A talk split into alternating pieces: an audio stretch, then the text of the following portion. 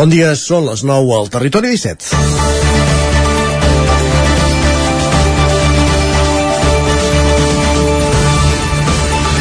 El Ripollès és la comarca on els bombers han hagut de fer més rescats en els últims 10 anys. Així encapçala el 9-9 avui la seva portada per avançar la informació on es detalla que en l'acumulat dels últims 12 anys és l'única comarca on es superen el miler de rescats al medi natural.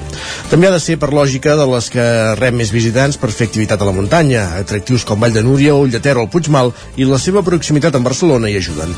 De fet, per darrere hi ha el Vallès Occidental, amb la Mola com a principal reclam, el Baix Llobregat, on s'hi ubica Montserrat, i la Vall d'Aran, ja alta muntanya. La informació va acompanyada d'una entrevista a l'usnenc Alfons Estalric, sergent del grup d'actuacions especials GRAE dels bombers, resident a Montesquieu, qui es pensa que a la muntanya a ell no li passarà mai res, és un xiple, és el titular de l'entrevista. I sí, a la muntanya abans que res cal anar-hi amb preparació i equipament necessari per assolir el repte que un s'hi planteja. Qui no ho fa té més números a la rifa, però d'accidents en poden tenir baixant del cremeller de Núria, trotant per un corriol o entrebancant-nos en una vorera del Passeig de Gràcia de Barcelona. És dilluns, 3 d'octubre de 2022, comença el Territori 17 a la sintonia de la veu de Sant Joan, Ona Codinenca, Ràdio Cardeu, Ràdio Vic, el 9 FM i també ens podeu veure per al 9 TV, Twitch i YouTube. Territori 17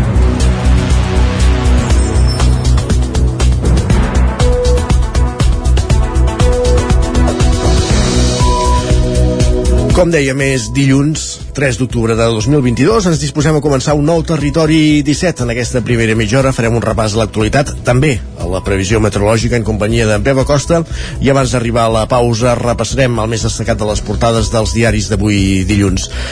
Passada do, a dos quarts de deu en punt farem un tom per la línia de tren, per l'R3, pel nostre tren de cada dia, a escoltar les cròniques dels oferts viatgers que recull cada dia l'Isaac Montades. A partir d'aquí parlarem de la Festa Major de Caldes de Montbui, que comença dimecres, i ho farem amb la seva regidora de Cultura, amb la Laia Cuscó, abans de donar pas a la Laura Serrat des de Ràdio Vic per una nova edició dels Solidaris, avui per conèixer fons la Fundació Vallès Or. Acabarem, arribarem al punt de les 10 com cada dia amb música.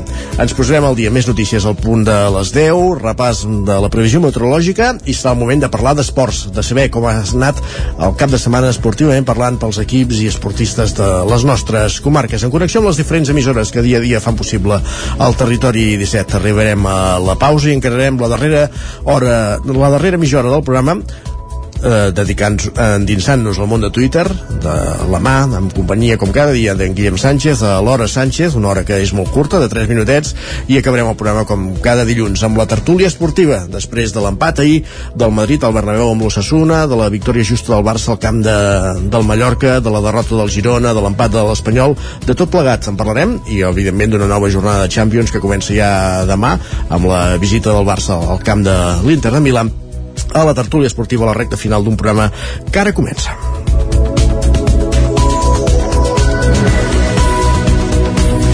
I ho fem, com us dèiem, posant-nos al dia amb l'actualitat de les nostres comarques. 11.000 persones, segons la Guàrdia Urbana de Barcelona, 60.000, segons els càlculs de l'organització, van participar dissabte a l'acte central de la commemoració del 1 d'octubre a l'Arc de Triomf de Barcelona. Cinc anys després hem reunit sis joves usonencs que el 2017 feien 18 anys. Recorden l'1 d'octubre com una demostració de força sense precedents. Cinc anys després, però, se senten enganyats i allunyats de la política. Sergi Vives. Enganyats, delusionats i lluny de la política. Així és com se senten cinc anys després de l'1 d'octubre els sis joves que vam reunir en el marc del cinquè aniversari del referèndum d'autodeterminació de Catalunya. Jofre Valdoret, Marta Naranjo i Berta Camproví van poder votar-hi amb 18 anys acabats de fer. Albert Sala, Núria Tudeu i Humbert Rossell encara no tenien l'edat, però aquell diumenge també es van mobilitzar per defensar els punts de votació. Passats cinc anys, la il·lusió d'aquells d'aquell dia s'ha esvaït. Vista en perspectiva, Berta Camproví, de Taradell, lamenta la, crimin la crima criminalització que han patit els joves, un col·lectiu que assegura no ha comptat ni amb el suport polític ni amb la societat civil. Escoltem a Berta Camproví bàsicament per la falta de suport institucional que han patit els represaliats, bàsicament, però alhora també això que et mobilitzin per un dia i prou i hagis de tornar a casa, que no sàpigues per què et mobilitzes, no? vas a l'aeroport, però al cap d'una estona veus al Twitter que no, que volen que vagis fora. Però és això, la falta de suport institucional cap als joves i la criminalització que hi va haver també cap a aquest col·lectiu, com si fossin els dolents de la pel·lícula quan els dolents era l'Estat i no els joves.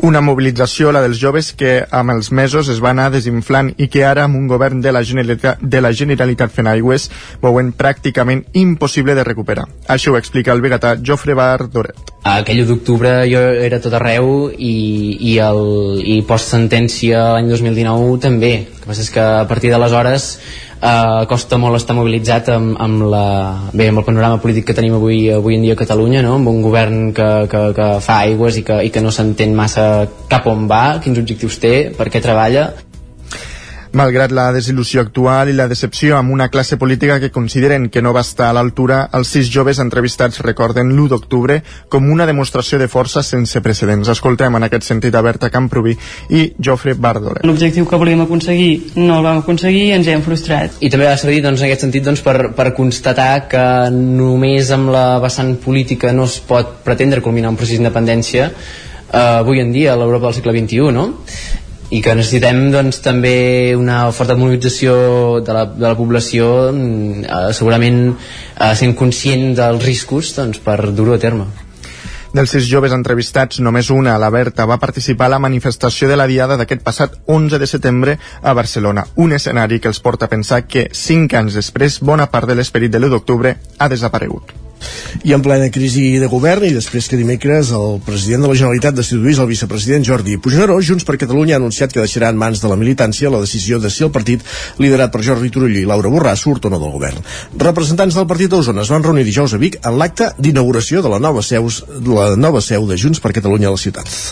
Al número 40 del carrer Jaume I de Vic Dijous passat s'inaugurava el nou local de Junts per Catalunya a la capital d'Osona. L'acte l'havia de presidir el secretari general del partit, Jordi Turull, però a última hora va declinar la invitació per donar resposta a la crisi del govern que aquesta setmana ha esclatat a la Generalitat entre el grup que lidera i Esquerra Republicana. Sí que hi van ser càrrecs electes del partit de la comarca i futurs candidats. És el cas d'Albert Castells, que aquest estiu ja va postular-se com a alcaldable de Junts per Catalunya a la ciutat de Vic. Castells no va voler avançar noms de la llista que encapçalarà a les municipals del 2023, tot i que va assegurar que serà continuista. Albert Castells. Mantinguem en aquest, en aquest concepte no?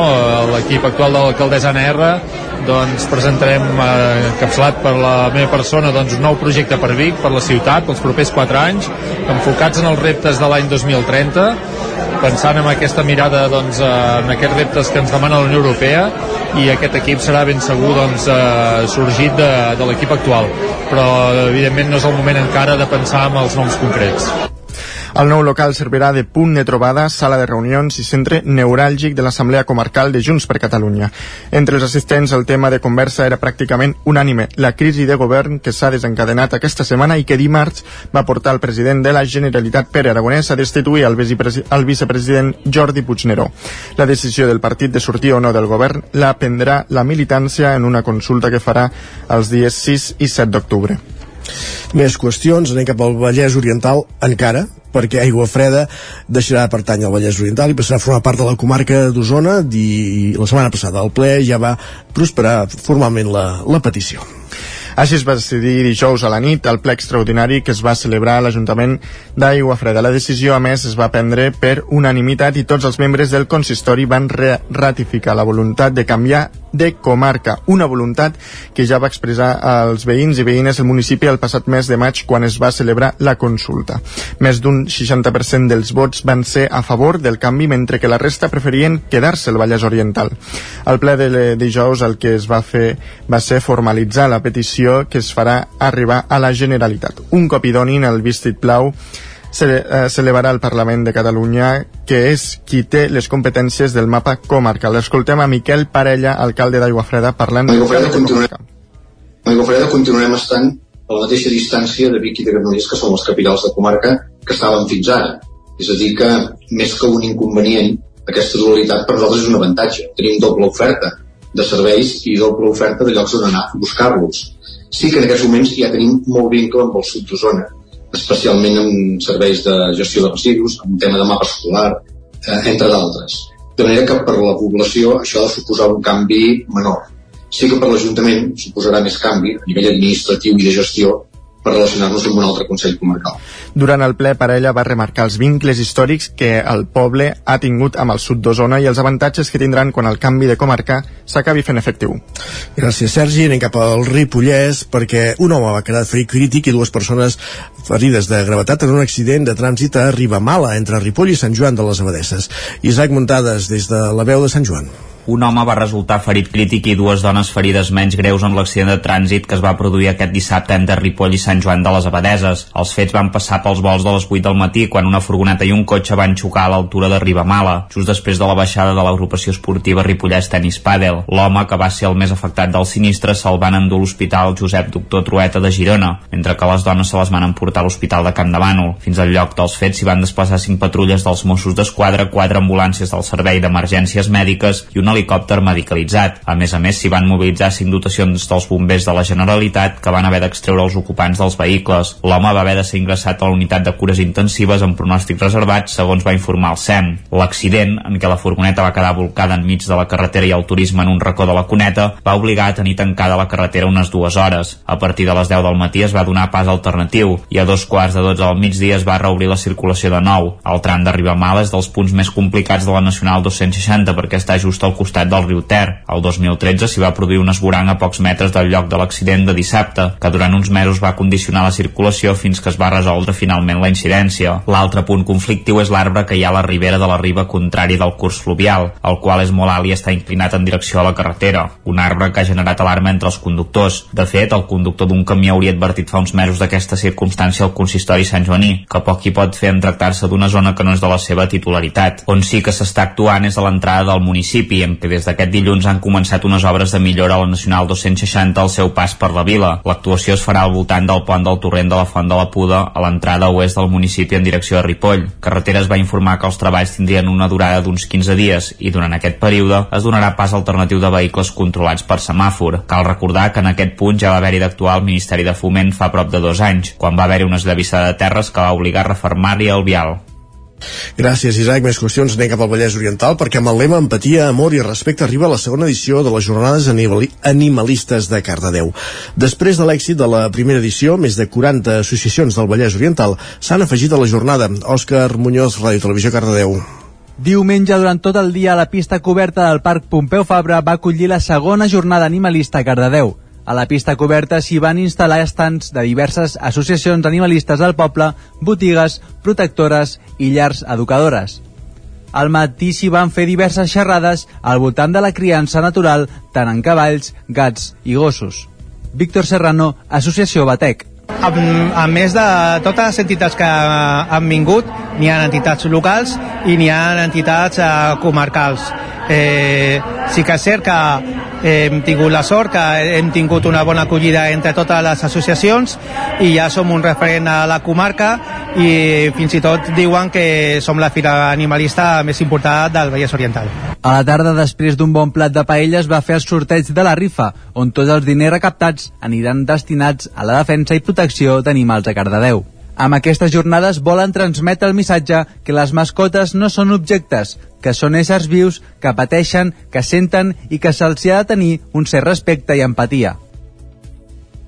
Gràcies, Isaac. Més qüestions. Uh, la Festa Major de Caldes de Montbui d'enguany, que se celebrarà del 7 al 12 d'octubre, compta amb una seixantena d'activitats i les colles culturals com a protagonistes. El campà zona codinenca.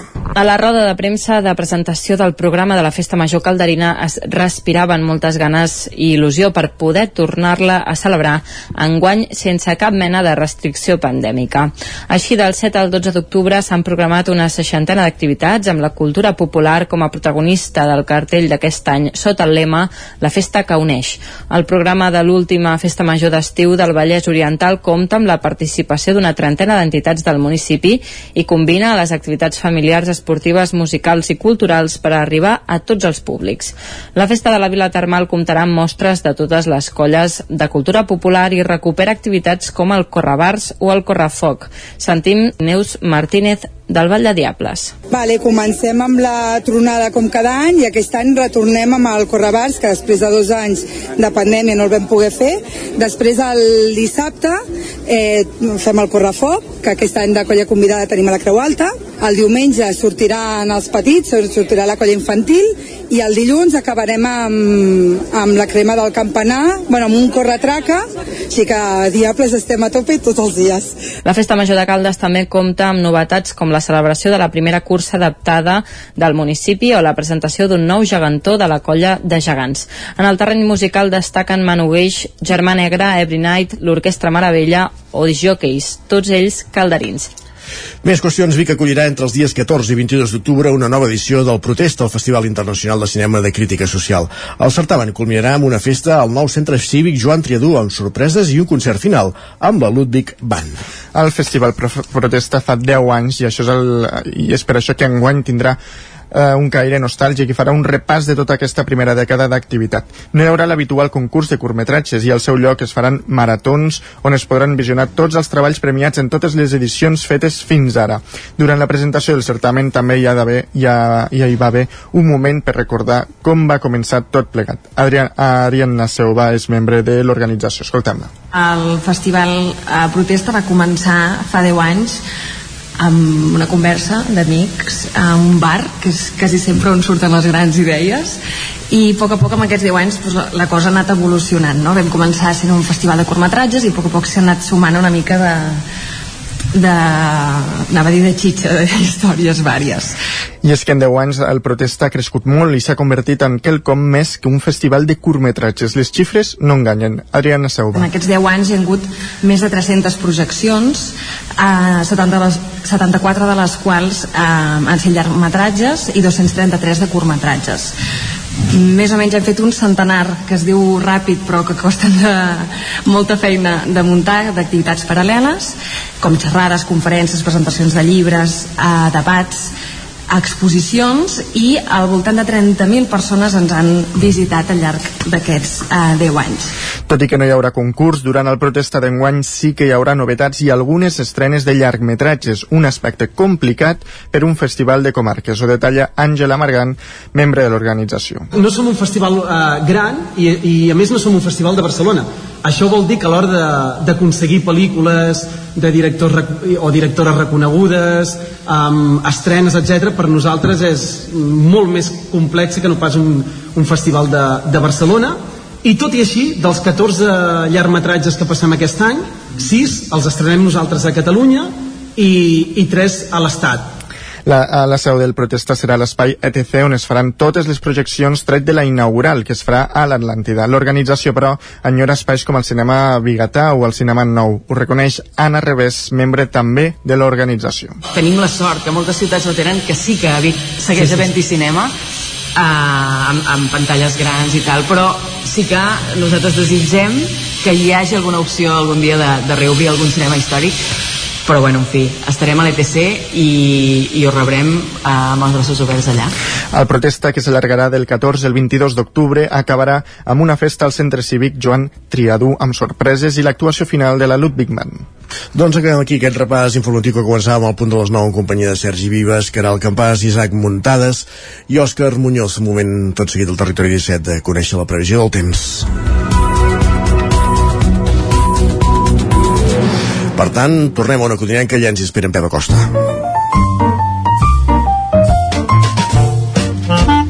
Casa Terradellos us ofereix el temps. Moment de conèixer la previsió del temps en aquest dilluns que comença la setmana. Pep, bon dia. Molt bon dia. Per fi som dilluns. Per fi comença una nova setmana. La primera del mes d'octubre sencera.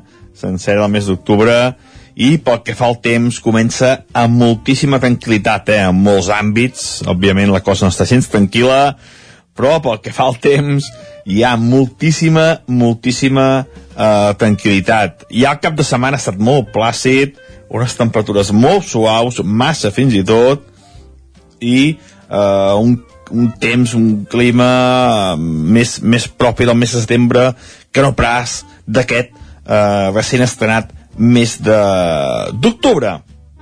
I avui no serà una excepció. I per què això? Per què?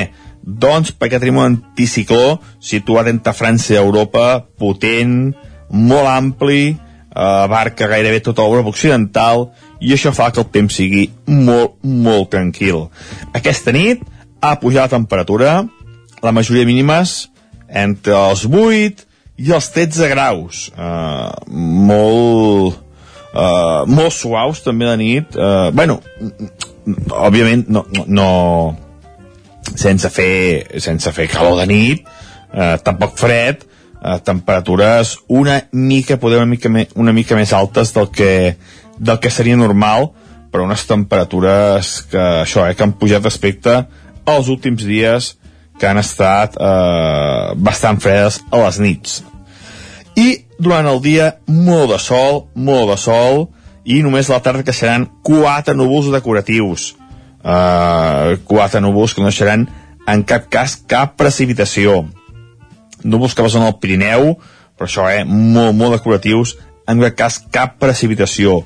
Vents molt febles, uh, aquest anticicló els vents no són gens febles, aquest anticicló centre-europeu que hi ha, i les temperatures seran molt suaus, fins i tot en algun lloc, en els llocs més càlids, una mica càlides. La majoria de valors entre els 22 i els 27-28 graus a tot estirar.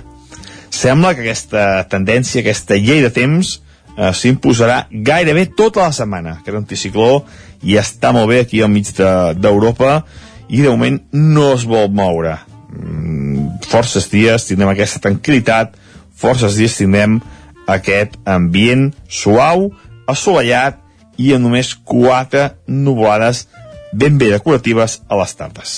Bon programa i molt bon dia a tothom. Adeu. Gràcies, Pep. Parlem d'aquí una estoneta.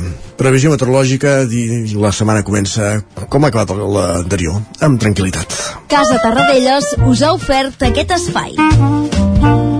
I ara, quan passen 21 minuts i mig del punt de les 9, el que fem és conèixer anar cap al quiosc, conèixer què diuen avui els diaris a les seves portades, Sergi, com que és dilluns, comencem per les del 9-9. Doncs el 9-9 destaca que el Ripollès és la comarca on els bombers han hagut de fer més rescats en els últims 10 anys. De fet, el 2021, després de les restriccions de la pandèmia, es va superar el rècord amb 121 intervencions. I també destaca l'èxit de la Fira del Porc i la Cervesa a Manlleu, uh -huh. celebrada aquest cap de setmana. Osona, ai, Vallès Oriental. El Vallès diu que Montmeló és el primer poble del Vallès Oriental a fer servir contenidors intel·ligents, contenidors que de fet només podran obrir identificant-se amb una targeta. I després pobles com Llinàs, que han celebrat els 5 anys eh, han commemorat els 5 anys de l'1 d'octubre. Perfecte, anem a les portades que s'editen a Barcelona, per on comencem? Doncs comencem pel punt avui, eh, amb un titular gros eh, que diu L'art sota Franco eh, ho ex explica que l'Institut del Patrimoni investigarà l'origen incert de les obres salvades per la República ja que estudiosos intueixen que moltes peces dipositades en museus eren de represaliats. I a més a més també fan una anàlisi de uh, les colles castelleres. Els verds destronen la vella, eh? els castellers de Vilafranca que han guanyat aquest uh, concurs de castells a Tarragona. Correcte, molt bé. Més portades?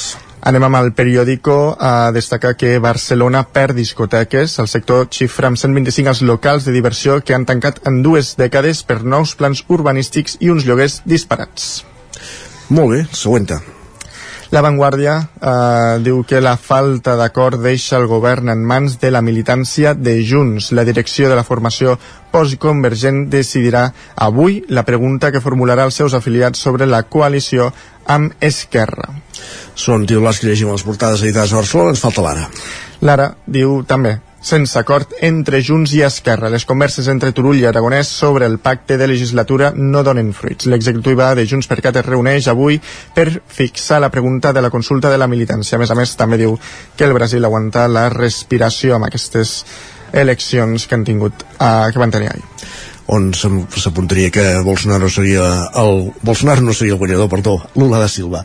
Uh, i, i del tema de, de Junts per Catalunya és evident que no hi ha hagut acord amb Esquerra i tot va cap a aquesta consulta que han de fer la militància a finals de setmana. Veurem com evoluciona el cas tot plegat i si els, regidor, els consellers de Junts continuen al govern. Anem a veure les portades que s'editen a Madrid, però on comencem, Sergi? Comencem pel país amb política internacional, que destaca que el triomf ajustat de Lula força la segona volta amb Bolsonaro, amb Bolsonaro fent referència també a les eleccions del Brasil. Expliquen que el líder de l'esquerra aconsegueix el 47,6% dels vots front als 43,8% de l'actual president. Carai, ja un resultat ajustat. Molt ajustat, volta. molt ajustat. I en política nacional destaca que el PP amplia el seu avantatge front a un PSOE estàtic i un Vox a la baixa. Més portades que s'ha dit a Madrid. Continuem amb l'ABC, mm, que té una portada plena de política internacional. Per una Ja. banda, el marit de l'exministre Montón és l'últim familiar eh, col·locat a l'ambaixada de Washington. Expliquen que és la cinquena contractació sobre la que hi ha sospites d'irregularitats realitzades per la Conselleria Espanyola als Estats Units. I per l'altra banda també destaquen les eleccions del Brasil. Lula està a un pas de recuperar el poder del Brasil. Més portades. I continuem amb el Mundo, que destaca un fet històric. Diu que el rei va fer que Leonor estigués present al seu discurs contra el procés. Avui fa cinc anys d'aquest Avui discurs, fa eh? cinc anys. Doncs Leonor hi va estar present darrere les càmeres. Carai, la va obligar a estar-se allà pre prenent mires de com, se- com actua un cap d'estat. prenent nota. Prenent nota com actua un bon cap d'estat en situacions crítiques. Què més? I acabem amb la raó en política nacional destaca que Feijó vol reclutar la classe mitjana i agitar-la contra el gobierno. Ho expliquen posant un subtitular que diuen textualment que el coordinador general del PP creu que el líder del PSOE és més podemita que Podemos. Carai, el líder del PSOE és més Podemita que Podemos. Qui ho diu, això? Això ho diu Feijó. Feijó. Com no? Molt bé, doncs gràcies Sergi per aquest repàs a les portades que avui podem trobar al quiosc. Nosaltres al Territori 17 el que fem tot seguit és una petita pausa, però tornem, res, d'aquí 3 minuts amb la resta de continguts que tenim preparats per aquest dilluns, 3 d'octubre de 2022. Eh, de seguida recollirem la crònica dels oferts usuaris de l'R3, com cada dia amb l'Isaac Muntades, a la Trenc d'Alba, i anirem fins a Caldes de Montbui, on dimecres comença una nova festa major, en parlarem amb la seva regidora de Cultura, la Laia Cuscó, just abans de conèixer una nova iniciativa al Solidaris, al Vallès Or, que avui ens acosta la Laura Serrat des de Ràdio Vic. I a la segona, ja ho sabeu, notícies al temps, ens posem al dia de l'actualitat esportiva, eh, ens endinsarem al món de Twitter i acabarem el programa com cada dilluns fent agenda, fent tertúlia esportiva després de l'empat d'ahir del Madrid, la victòria del Barça al camp del Mallorca, l'empat de l'Espanyol i la derrota de, del Girona. Tot a partir d'aquests 3 minuts. Ara tornem fins ara. El nou FM, la ràdio de casa, al 92.8. Mmm, quan fa que no menges pluma ibèrica de Salamanca i xuletilles de lechal a la brasa amb una bona amanida? Oh, ¿y un chuletón de vedella gallega? ¿O lechazo de Castilla al forn? Ah, i botillo del Bierzo amb catxelos i col? Ei, i cochinillo a l'estil de Segòvia, i tot acompanyat d'un bon celler. Oh, i uns bons serranitos de pollastre, de llom, de burguesa, del que tu vulguis. Per menjar la millor cuina de Lleó sense moure't de casa, vine a El Racó de León. Fem cuina tradicional lleonesa i de mercat. Vine amb la família, amb els amics, amb la parella o sol. T'encantarà. El racó de León. Som al carrer Torelló 35 de Vic. Reserves 93 889 1950. El racó de León. Vine a tastar una cuina diferent. Nou horari d'hivern, tancat dilluns a la nit i dimarts tot el dia. Cobertes serveis funeraris. Els nostres tanatoris estan ubicats en els nuclis urbans més poblats de la comarca d'Osona per oferir un millor servei. Tanatori de Vic, Tanatori de Manlleu, Tanatori de Centelles i Tanatori de Roda de Ter. Sabem que són moments difícils i per això el nostre compromís és atendre-us en tot moment amb un tracte humà, sensible i respectuós. Cobertes serveis funeraris. Telèfon 24 hores 93 883 23 46. Has d'organitzar un esdeveniment? A l'Ineixat lloguem les cadires, taules, plats, coberts, rams de flors i tota la decoració necessària per preparar qualsevol esdeveniment. Vine a buscar material per a festes, casaments, celebracions culturals, espectacles, concerts o reunions d'empresa i de família. Ens pots venir a veure al passeig de la Generalitat número 52 Baixos de Vic, buscar-nos a les xarxes o trucar-nos al telèfon 670 38 96 25. Ah, i també ens trobaràs a Girona. A l'Ineixa tenim tot el que pots necessitar per fer-te la vida més fàcil. El diumenge 9 d'octubre tornen els bolets a ceba. 24a edició de la Festa del Bolet, una de les fires de referència pel sector boletaire a Catalunya. Hi trobaràs les tradicionals parades de productes relacionats amb els bolets, testets i exposicions, activitats i actuacions i l'esperat concurs de bolets. Vine a la 24a Festa del Bolet de Ceba. Més informació a ceba.cat. A Deportec estem especialitzats en el tractament d'aigües residuals i el tractament de purins.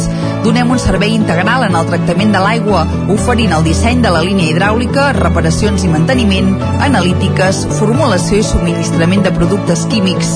Ara a Deportec et podem ajudar a obtenir un gran estalvi energètic en la deshidratació de fangs, oferint-te un sistema innovador, el Depordisc.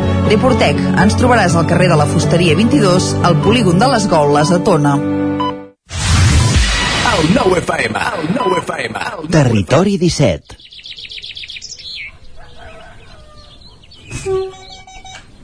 A Tren d'Alba.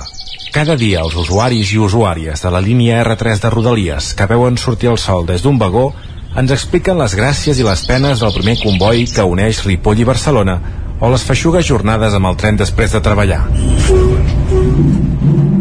Benvinguts a Tren d'Alba. Aquest matí novament ha quedat demostrat que el servei que està donant la línia R3 de Rodalies és dolent per no utilitzar un adjectiu qualificatiu pitjor. L'usuari Oriol López publicava al seu Twitter que com podia ser que el tren de Mollet a Barcelona anés tan ple que les estacions ja no hi podia pujar més gent. Tot va malament. Només cal que escolteu la crònica d'en Jordi Valls d'avui. Bon dia, sóc en Jordi de Centelles i puc fer la nota per poc. Segona vegada que el tren ens deixa tirats a Sant Martí de Centelles, el de la 607 de Centelles cap a Barcelona, perquè sortia molt de fum. És la segona vegada que m'hi trobo que un tren treu molt de fum i ens foten baixar. I aquest era dels suposadament nous. Després diuen és que la Renfe li tenéis mania. Mania? Però si es calen foc ells mateixos. És res, tot un xou. Maquinista i mecànic. Els trens no tenen interventor ni assegurances, ni, se ni seguretat, però mecànics en tenen gairebé tots. Us podeu imaginar com funciona tot això, oi? Res, 607 pot agafar el tren i arribar a Barcelona dues hores i pico més. Si haguéssim anat amb AVE, mm, haguéssim estat a Guadalajara, però no, arribàvem a plaça Catalunya. Res més, els que ho heu patit us desitjo bon dia, i els que no també.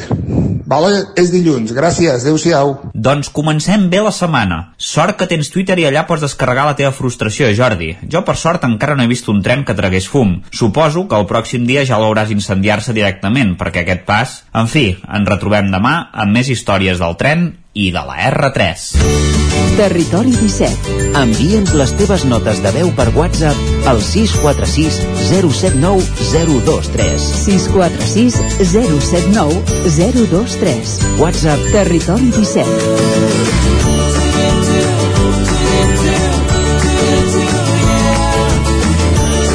Territori 17. Som a Facebook, Twitter i Instagram amb l'usuari Territori 17.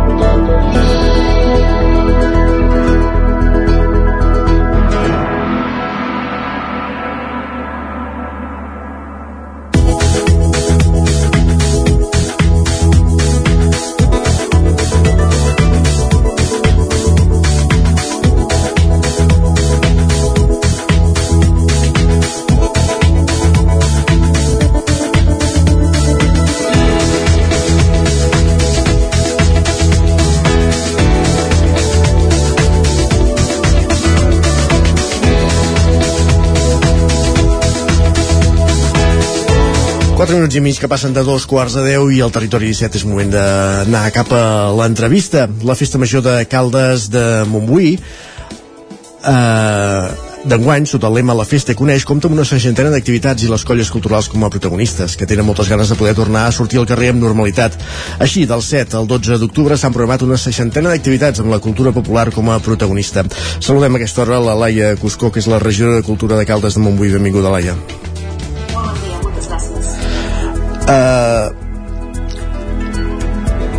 Laia, explica'ns una mica uh, això, primer de tot uh, veiem un cartell on s'aposta per la cultura popular amb diversos objectes característics de les diverses colles de la cultura popular de Caldes. Una mena de collage que hi ha representades les colles de Bastoners, Diables, Geganters, de Castellers i, i la de Sardanes, una mica és això, eh, recuperar tota l'essència d'aquestes colles en aquesta festa major. Sí, la cultura popular, bé sabem han passat moltes entitats un moment molt complicat doncs, a Caldes sempre han sigut les protagonistes de la nostra festa major. Doncs cal tornar a dir i a cridar ben fort que aquestes són, són l'essència de la festa de Caldes i um, crec que gràcies a la pandèmia, o gràcies, gràcies, eh? però ens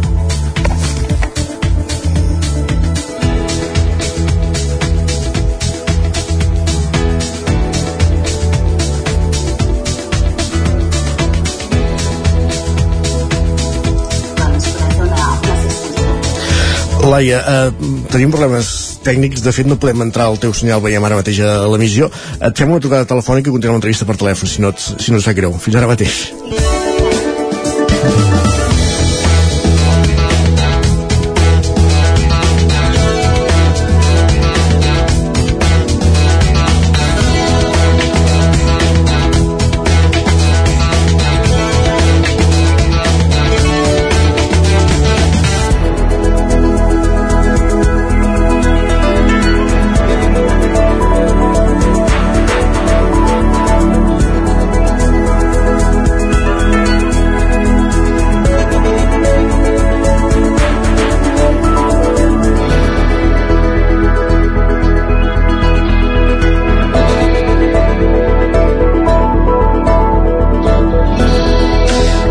Doncs Laia, par parlàvem d'això, d'aquesta festa major que comença dimecres on, on el cartell mateix ja recull doncs, l'essència de la festa amb totes les, les expressions de cultura popular que hi, ha, que hi ha al poble. Una festa major on també recuperen nous espais, el Parc de Can Rius i la plaça de la Font del Lleó. Sí, aquests espais els vam com descobrir l'any passat, en l'última edició, perquè abans la festa major doncs, es feia en el parc de les de l'estació, al centre uh, de, de Caldes. Ara el portem, l'any passat ja vam portar la festa al nucli antic i bueno, per intentar recollir totes les mesures eh, Covid, no? Però va agradar el format, va ser una, una manera còmoda, esponjada, amb un entorn molt bonic com és el Parc de Can Rius, amb una plaça de la Font de Lleó, amb un escenari gran que va lluir moltíssim. I enguany hem dit de, de recuperar aquest format i mm, valorar-lo bueno, sense restriccions, amb tota la normalitat, perquè l'any passat va ser molt ordenat, ja que com tothom tenia la seva entrada, la seva localitat reservada, doncs sí que va quedar com tot molt, molt, molt polit. Enguany, sense entrada, sense en valles, doncs a veure si, si podem tenir uns espais ben, ben xulos i per fer uns espais de trobada uh, amables, si volem dir-ho així, no? uns espais ben, ben, ben, que l'entorn acompanyi també a la festa, no sols anar al concert per anar al concert, sinó un espai on t'hi trobis a gust i, i t'acompanyi doncs, per fer aquest espai de trobada amb els amics, amb la família, aquí al nucli antic de Caldes. En aquest parc hi haurà, com a pes principal, hi haurà un, un embalat obert, terrasses i quatre barres gestionades per quatre entitats, el Club Natació Caldes, el Club Hoquei Caldes, els Castellers de Caldes i els Bastoners.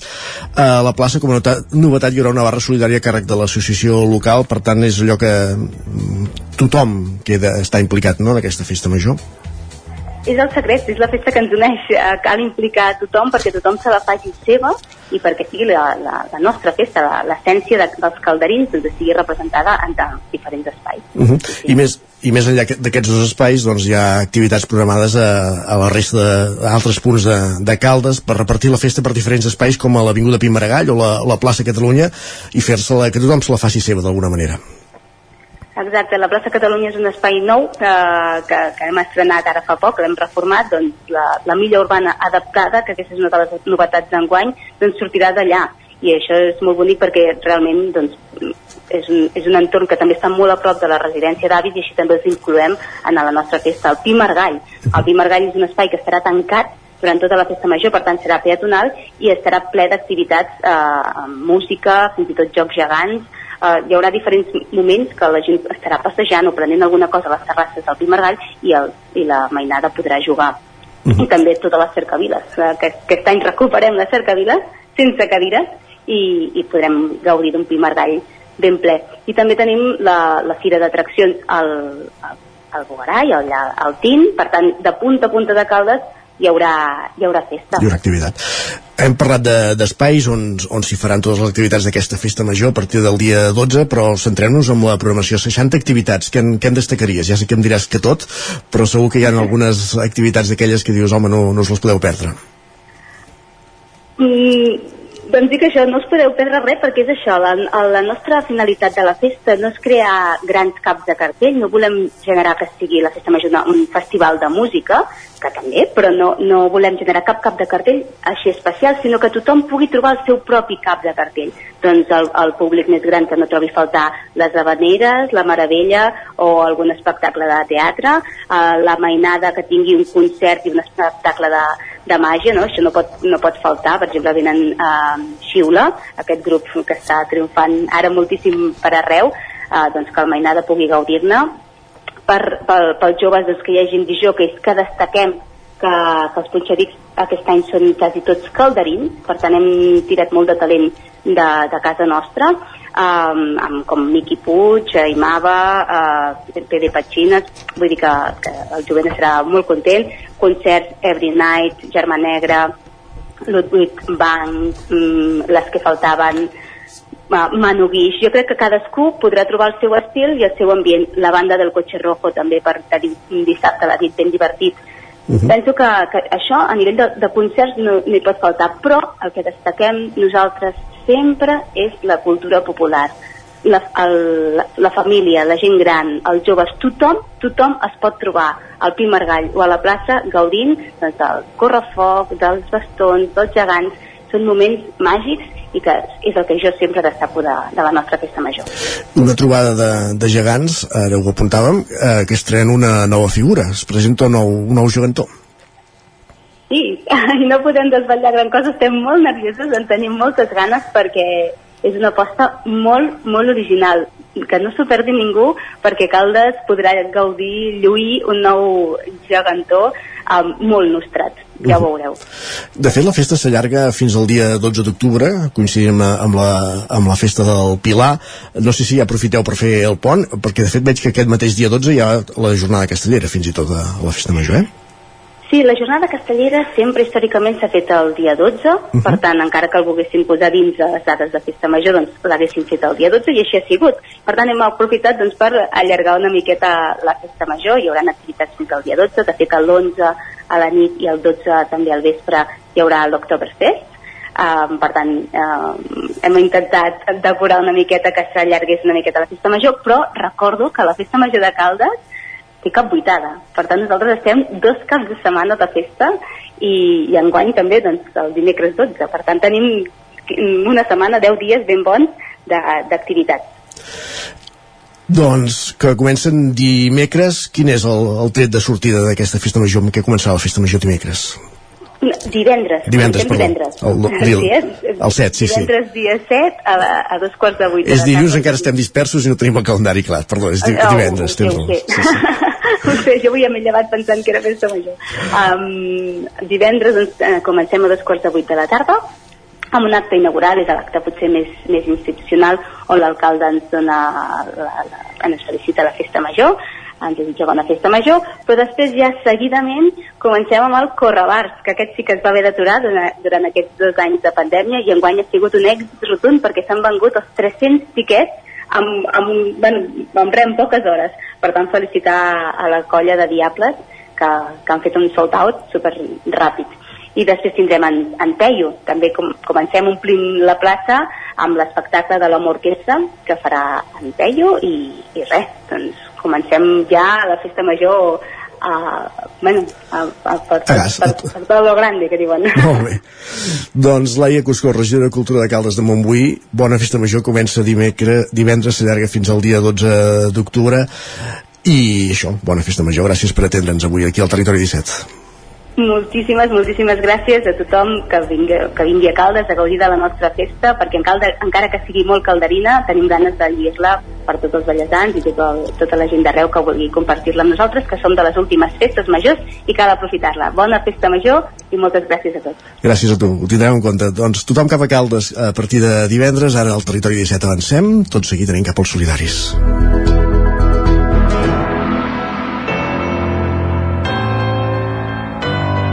Territori, Territori 17. 17. Territori 17.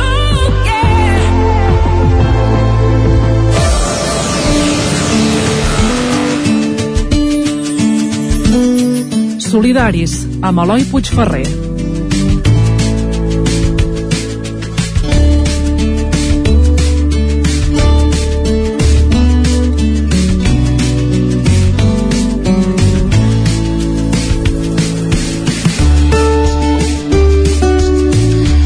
I entrem als solidaris, l'espai que cada setmana ens acosten des de Ràdio Vic per conèixer eh, activitats, per conèixer entitats que treballen eh, pel tercer sector, pels, per les altres persones a les nostres comarques. I avui ens fixem amb la Fundació Vallès Or. Ens la presenta, ens la costa, ens co- descobreix la seva realitat. La Laura Serrat, des de Ràdio Vic. En les darreres setmanes, la cerca d'entitats solidàries ja ens ha descobert tres organitzacions que centren la seva acció en l'atenció a les persones amb alguna discapacitat. Osonament a Osona, la Fundació Mapa Ripollès i la Fundació Avets al Moianès. El nostre recorregut segueix el seu camí cap al sud i aquesta setmana ens toca fer una parada al Vallès Oriental, concretament a la Roca del Vallès, on avui, des de Ràdio Vic i a través de l'antena del Territori 17, coneixerem la Fundació Privada Vallès Oriental. Aquesta entitat social sense ànim de lucre té com a objectiu potenciar la qualitat de vida dels seus usuaris i usuàries i vetllar perquè els seus drets siguin respectats. La seva activitat se centra en l'àrea de serveis diurns i l'àrea d'acolliment residencial, i la seva prioritat és atendre les diferents necessitats que apareixen al llarg de l'etapa adulta, potenciant així l'autonomia personal de cada usuari i fomentant la inclusió social i laboral. En coneixerem tots els detalls tot parlant amb en Rafael Arderiu, director general de l'entitat, i la Izaskun Quintana, referent de Treball Social. Arderiu comença explicant-nos com han viscut les complicacions de la pandèmia, especialment els seus usuaris. pues els nostres usuaris han viscut la, el tema de la pandèmia molt millor del que podíem esperar inicialment. Al principi, com tothom, no sabíem ben bé què era això, vam patir molt, tant pel tema del material i no sabíem com reaccionar, etc etc. però un cop la situació ja es va fer eh, més crònica i vam veure que s'allargava, doncs tothom es va adaptar i els nostres, les persones que tenem aquí a casa nostra, la veritat és que han sigut un exemple per la seva capacitat d'adaptació a tota la situació, inclús el temps que van haver d'estar tancats i confinats. A nivell organitzatiu també ha estat tot un trasbals, però Arderiu afirma que els voluntaris han jugat un paper essencial en tot el procés d'adaptació. Bueno, hem hagut de fer adaptacions a nivell sobretot de, de torns de treball, a nivell de, de voluntaris, a nivell de adaptació de, de llocs de treball, etc etc. Però, bueno, ja et dic, a la que ens vam acostumar una mica a la situació, doncs la veritat és que no hem tingut gaire problema. També podem dir que en el nostre cas hem tingut força sort perquè la majoria de casos que hem tingut han estat molt lleus, i hem tingut molt poquets, molt poquets casos importants i per tant jo crec que el balanç final és de força satisfacció. El director també ens parla dels reptes més importants que suposa la seva acció social i les batalles que els seus usuaris encaren dia a dia. Actualment, els reptes més importants, la seva integració. La seva integració plena en la societat i que l'entorn entengui que són persones com, com la resta, que tenen, encara que, que tinguin diagnosticada una discapacitat, eh, tenen unes capacitats extraordinàries que els permet interactuar amb pleníssima normalitat i això és el repte més important que encara tenim, que la societat ho entengui. Posar en pràctica aquests objectius no sempre és fàcil, i menys si tenim en compte que, com totes les entitats que hem visitat fins ara, la Fundació ha de fer front a l'enorme repte del finançament. Bueno, actualment, no només nosaltres, sinó el sector en general, tenim, a dia d'avui, el més greu són els problemes de finançament que tenim. Tenim unes tarifes molt des de l'any 2010 pràcticament que tenim les mateixes tarifes. Actualment el cost de totes les matèries primeres, de tots els subministraments se'ns han incrementat moltíssim, moltíssim, i això per nosaltres ara és una dificultat important per tirar endavant. Per sort tenim molts serveis i podem compensar unes coses amb les altres, però a dia d'avui és un dels més importants. Per part seva, Quintana ens comenta el repte de la inclusió social dels usuaris. Sí, bueno, pel que fa als nois, eh, pues una mica no, el, el tema de la inclusió social, de la seva visibilitat en l'entorn comunitari, no, la participació a nivell comunitària, bueno, que puguin tenir accés a, a la comunitat de la mateixa manera que qualsevol altra persona, no? la seva integració laboral en empresa ordinària, que també és un dels projectes que tenim ara en marxa no? per, per continuar treballant, no? que és eh, bueno, una mica el fet de que, que puguin tenir les mateixes oportunitats que qualsevol altre. Una vegada més, parlem amb l'entitat sobre els entrebancs que troben a l'hora de complir aquests objectius i, malauradament, sobre les reticències que encara noten. Sobretot amb el tema de la integració laboral, encara trobem molts tabús moltes empreses eh, tenen dubtes de si les persones que nosaltres volem inserir laboralment són capaces o no de treballar en condicions similars als que poden treballar eh, els seus empleats propis. Això encara costa molt de crear aquesta consciència social en les empreses. Arderiu afirma que els passos a seguir per trencar aquests tabús són la informació, la formació i el picar pedra, a través d'activitats, dels mitjans de comunicació i sobretot a través de la insistència. Quintana recalca el perill de la institucionalització, a vegades innecessària, de les persones amb discapacitat, que fomenta l'estigma. Sí, sí, a nivell d'habitatge és, un, és una de les qüestions que més preocupa a les persones amb discapacitat perquè si ja és un terreny de, no, de difícil accés per la població en general, ells encara són més vulnerables en aquest sentit tenen més dificultats sobretot per l'aspecte econòmic, no? perquè les seves rendes no són a vegades no? equitatives a les de la resta de la població i això és un afegit. Per tant, són persones en molts casos que volen tenir una independència i desenvolupar la seva vida personal en les mateixes condicions que la resta, però moltes vegades es veuen pràcticament obligats a una institucionalització que a vegades no és necessària, no? Perquè tenen moltes capacitats eh, com per poder desenvolupar una vida pues, d'una manera pues, autònoma i, i sense tant suport, no? També hem trobat algun cas de, de que a l'hora d'anar a buscar habitatges i a llogar pis encara hi ha persones que tenen certes reticències a, a llogar pisos a, a persones amb discapacitat. Per sort cada vegada menys i bueno, ja aconseguim vèncer aquestes reticències, però això encara existeix. Una miqueta es pensen pues, que que no cuidaran el pis, que poden haver problemes amb els veïns, etc etc. Això encara ho trobem, per sort, cada vegada menys. El director assegura que allò que més el reconforta de la seva acció social queda lluny de la recerca de reconeixement. Només volen que la inserció i la integració social sigui plena, i quan un dels usuaris aconsegueix aquesta integració ja se senten premiats. Una de les seves demandes, en termes d'ajuts, és l'ajustament de les tarifes de l'administració. Jo crec que faria falta que les tarifes de l'administració s'adequessin eh, els costos reals de l'activitat. Actualment estem, estem prestant el servei amb unes tarifes molt, molt baixes, molt baixes respecte al, que era el cost real del servei. I a més són serveis molt, molt cars que les persones no poden assumir de forma privada. L'administració això ho ha de finançar parcialment i actualment ho està finançant però amb unes tarifes eh, inferiors al que hauria de ser. Quan es van posar les primeres pedres d'aquest projecte, allà el 1965, mai s'haurien imaginat les dimensions que prendrien les seves accions. Avui en dia tenen diversos projectes importants entre mans. Ens els detalla el director. Bueno, a dia d'avui tenim dos o tres projectes d'inversió perquè volem ampliar la nostra cartera de, de serveis. Tenim, ara estem iniciant ja la, la construcció de, de dues llars noves aquí al barri de la Torreta, de la Roca. També volem fer uns eh, pisos de caire social i estem també engegant la, tota la reforma del nostre centre ocupacional que té gairebé 40 anys i que ja necessitava un, un rentat a fons aquests són els projectes que ara, a dia d'avui, més importants tenim, independentment del projecte continu, que és la integració de plena d'aquestes persones. De cara al futur, volen continuar agrandint els seus projectes i aconseguir que la societat entengui que els seus usuaris són un més de nosaltres i no haver-se de preocupar perquè encara existeixen diferències. L'ideal és que les empreses no hagin d'acollir els usuaris per obligació, com ara passa moltes vegades, sinó que puguin comprendre que poden incorporar persones amb discapacitat sense que la seva activitat productiva hagi de baixar. Des de Ràdio Vic esperem que aquests ideals s'acabin assolint i els desitgem sort en tots els projectes que tenen en marxa i en els que vindran.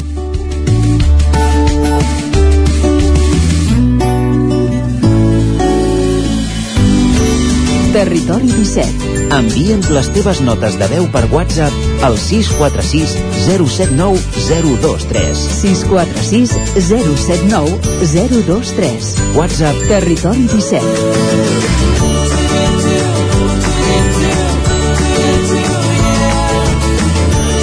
Territori 17. Som a Facebook, Twitter i Instagram amb l'usuari Territori 17.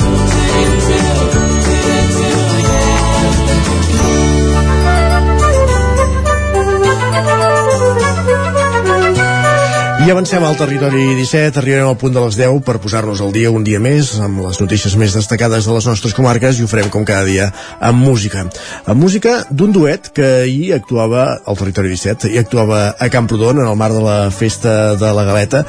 No estem parlant de cap altre duet que de Ginestar, que era un dels artistes que, convidats per, per amenitzar aquesta fira al costat de la SU o de Guillem Roma i en el seu cas amb cançons com aquesta que ja han popularitzat en els darrers mesos l'Eva i la Jana Ja tenen 16 anys i ara tot els crema refregant els cossos pels camps del costat. Un vestit de flors i una camisa a prop. Marxen les hores buscant pigues noves, tan sols els ocells les han vist. Agafen les bicis sabent que és l'inici sobre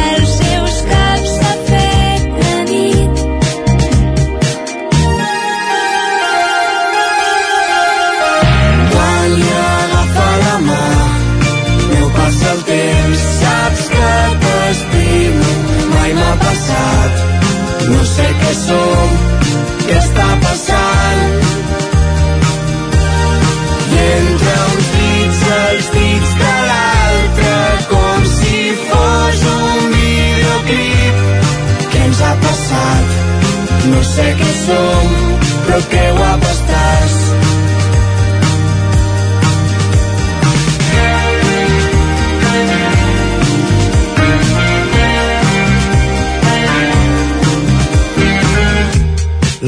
La Jana ja dorm perquè quan sent un pit contra l'esquena li agafa la son. L'Eva s'ha llevat està molt nerviosa perquè té un examen a la facultat. I ara exageren que no sap cap tema dels 30 que té per llegir. S'apropa la Jana, que ve per darrere, diu que amb ella ha après a ser feliç.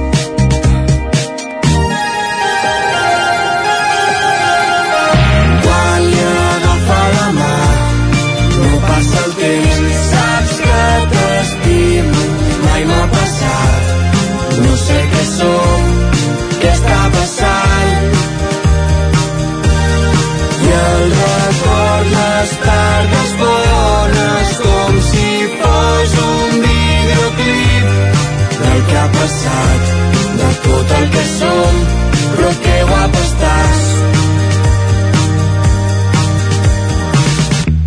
Li fa un petó al front mentre la camilla la Jana fa estona que pensa que es mor.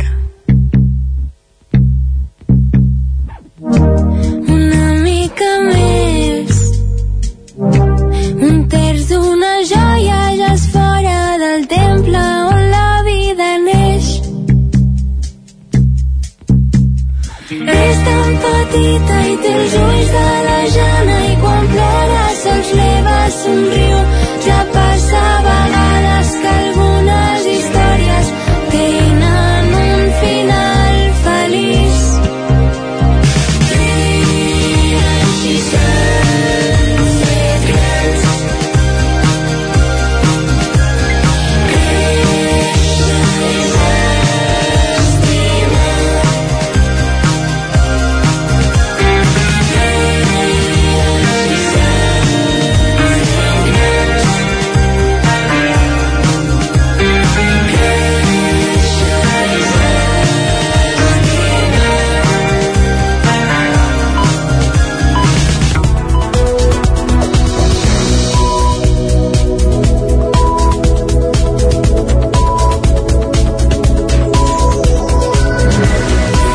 és moment al Territori 17 de posar-nos al dia, d'actualitzar-nos amb les notícies més destacades de les nostres comarques i ho fem en connexió amb les diferents emissores que dia a dia fan possible aquest programa.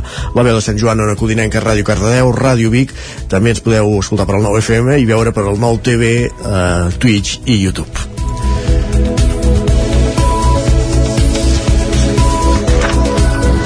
Per explicar-vos a aquesta hora que l'actual alcalde de Torelló, Marçal Ortuño, ha oficialitzat que optarà la reelecció a les eleccions municipals de 2023. Ur Ortuño, cap de llista d'Esquerra, també avança que la llista serà continuista, Sergi Vives. Marçal Ortuño repetirà com a candidat d'Esquerra Republicana Junts per Torelló a les eleccions municipals del 2023. Als passats comicis es va convertir en el primer alcalde d'Esquerra al municipi. El partit va aconseguir 7 regidors, la CUP 5, Junts 3 i el PSC 2. Ortuño voldria mantenir les sigles d'ERC Junts Junts per Torelló, però encara no se sap quin format. Si, si sent ell un independent dins de la llista, com en les darreres municipals, o amb carnet de militant. Un dels factors clau per prendre la decisió de repetir és l'equip on també repetirà gran part de la candidatura. Escoltem Marcel Ortuño.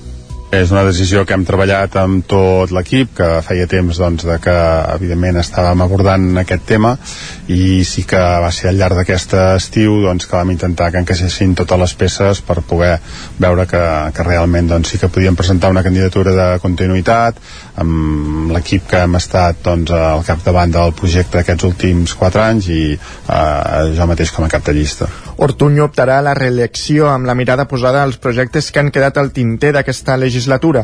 El que li sap més greu és la, reside la residència per a persones amb discapacitat intel·lectual, un dels punts forts del programa electoral i que s'ha de replantejar de zero arran de l'esclat de la pandèmia. També tindrà altres carpetes pendents com un nou pati de butaques al Teatre Sirvianum. Marcel Ortuño. La reforma de la platea del Teatre Sirvianum, la reforma del carrer eh, Sant Miquel amb la placeta Pujol, s'ha de també concretar la urbanització de l'Avinguda Pirineus i un dels projectes que, que hem estat treballant i que no ha tingut concreció precisament per al tema de, de la pandèmia que fa que s'hagin de replantejar els models és el de l'equipament sociosanitari que cal a Torelló.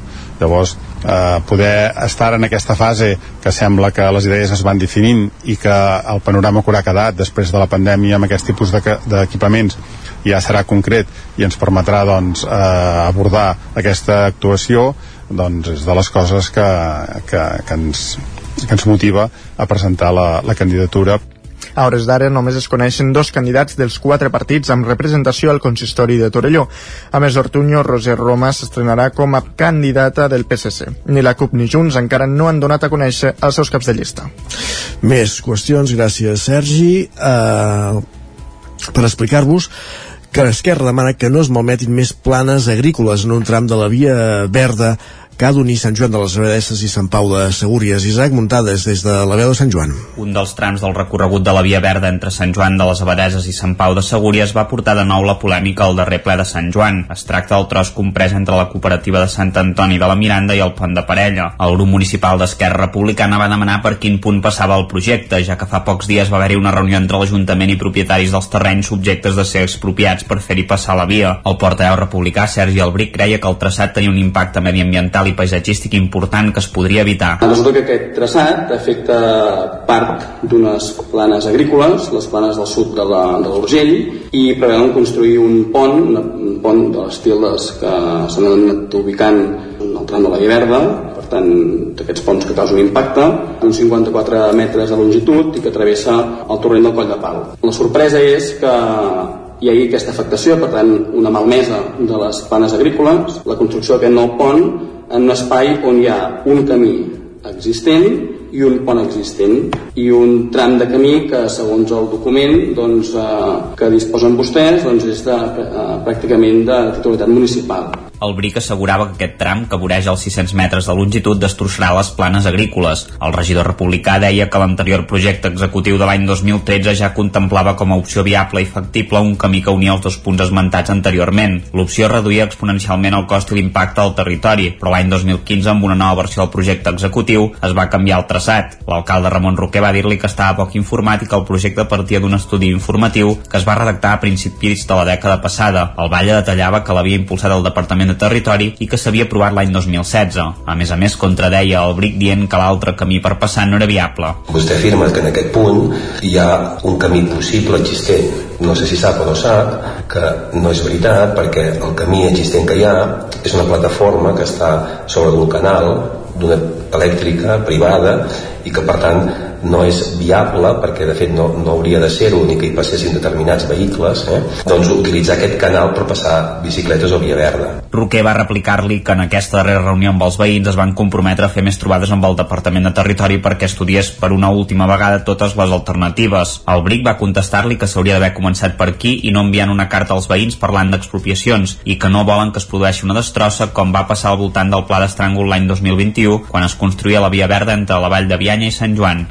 Gràcies, Isaac. Anem cap al Vallès Oriental. L'Ajuntament de Cardedeu organitza per primera vegada les jornades pedagògiques a l'entorn de l'educació de 0 a 6 anys. Durant aquests dos dies s'han realitzat diferents activitats adreçades a docents i famílies. Òscar Muñoz, Ràdio Televisió Cardedeu. L'educació del 0 als 6 anys és el centre de les jornades pedagògiques que organitza l'Ajuntament de Cardedeu.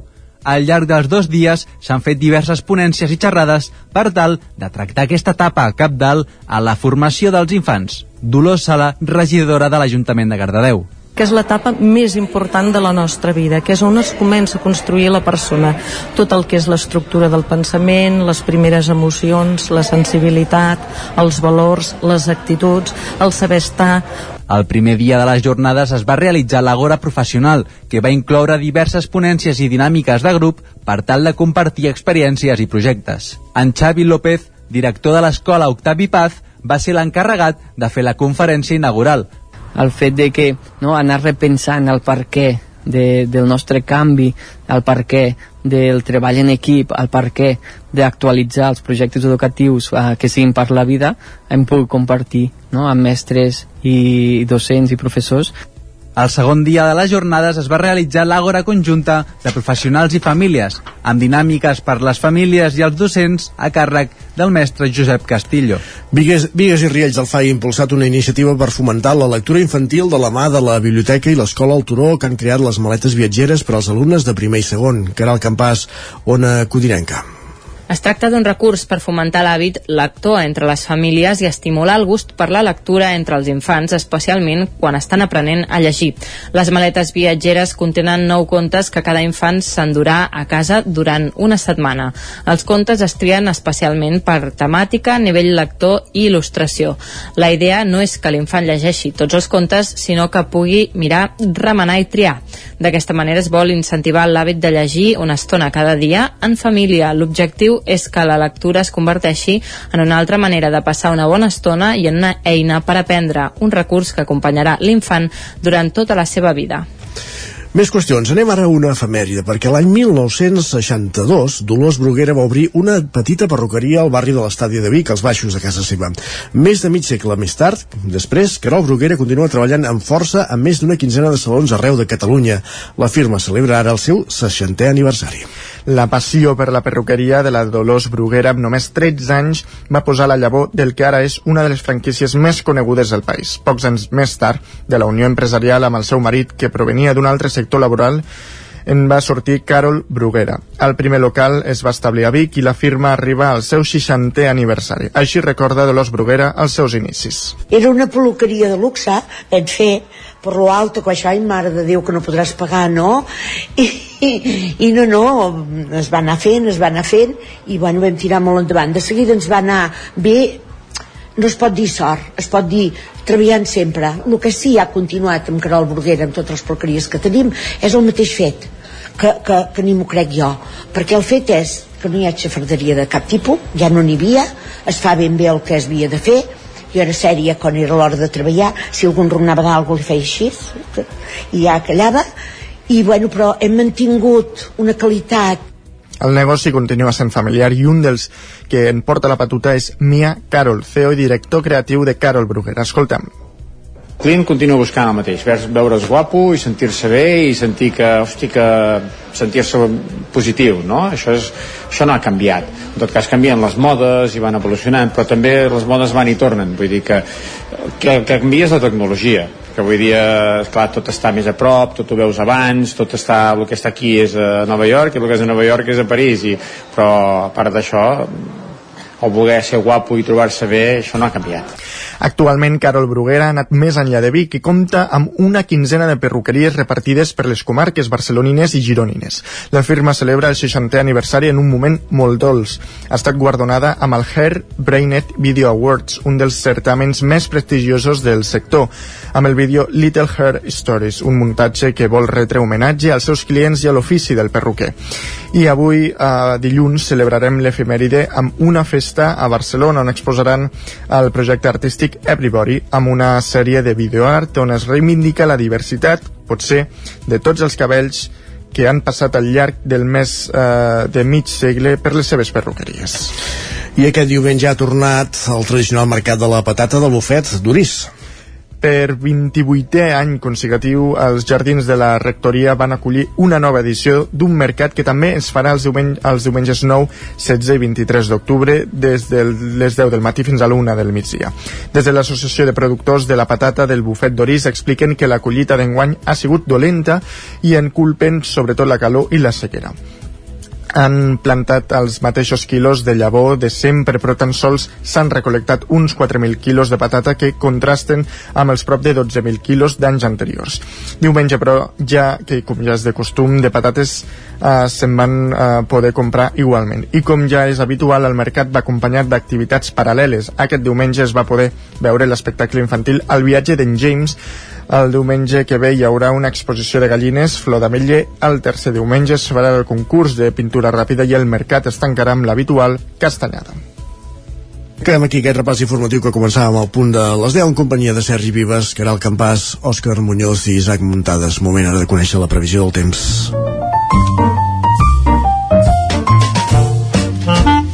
Casa Terradellos us ofereix el temps. Per això tornem a una codinenca, allà ens espera en Pep Acosta. Pep, quin temps farà avui? Molt bon dia. Bon dia. Hi ha moltíssima, moltíssima uh, tranquil·litat. Ja el cap de setmana ha estat molt plàcid i avui no serà una excepció.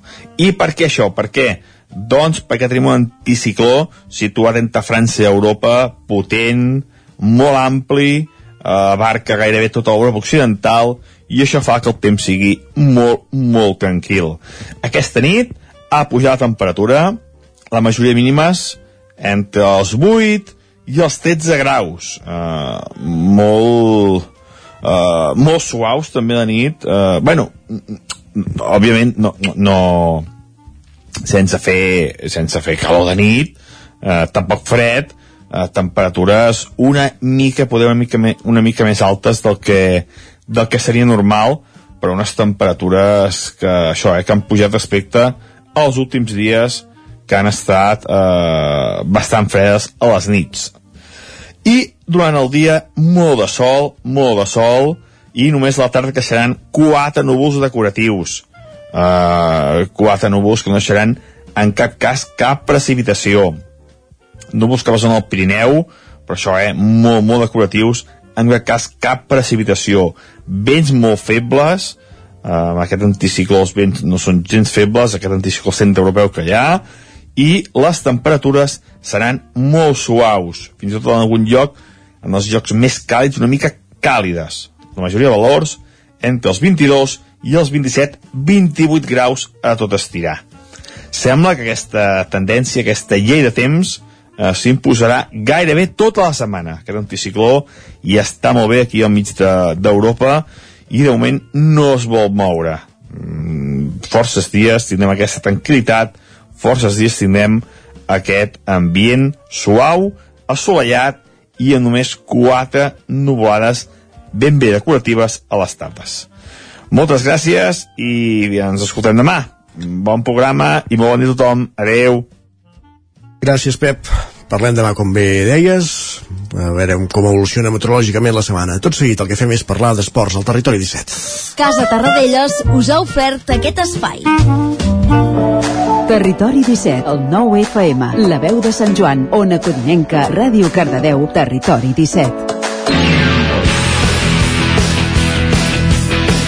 Entrem a un quart d'on... Arribem a un quart d'onze del matí, moment de parlar d'esports al territori 17, com cada setmana de saber què han fet els equips de les nostres comarques a les jornades esportives eh, celebrades dissabte i diumenge.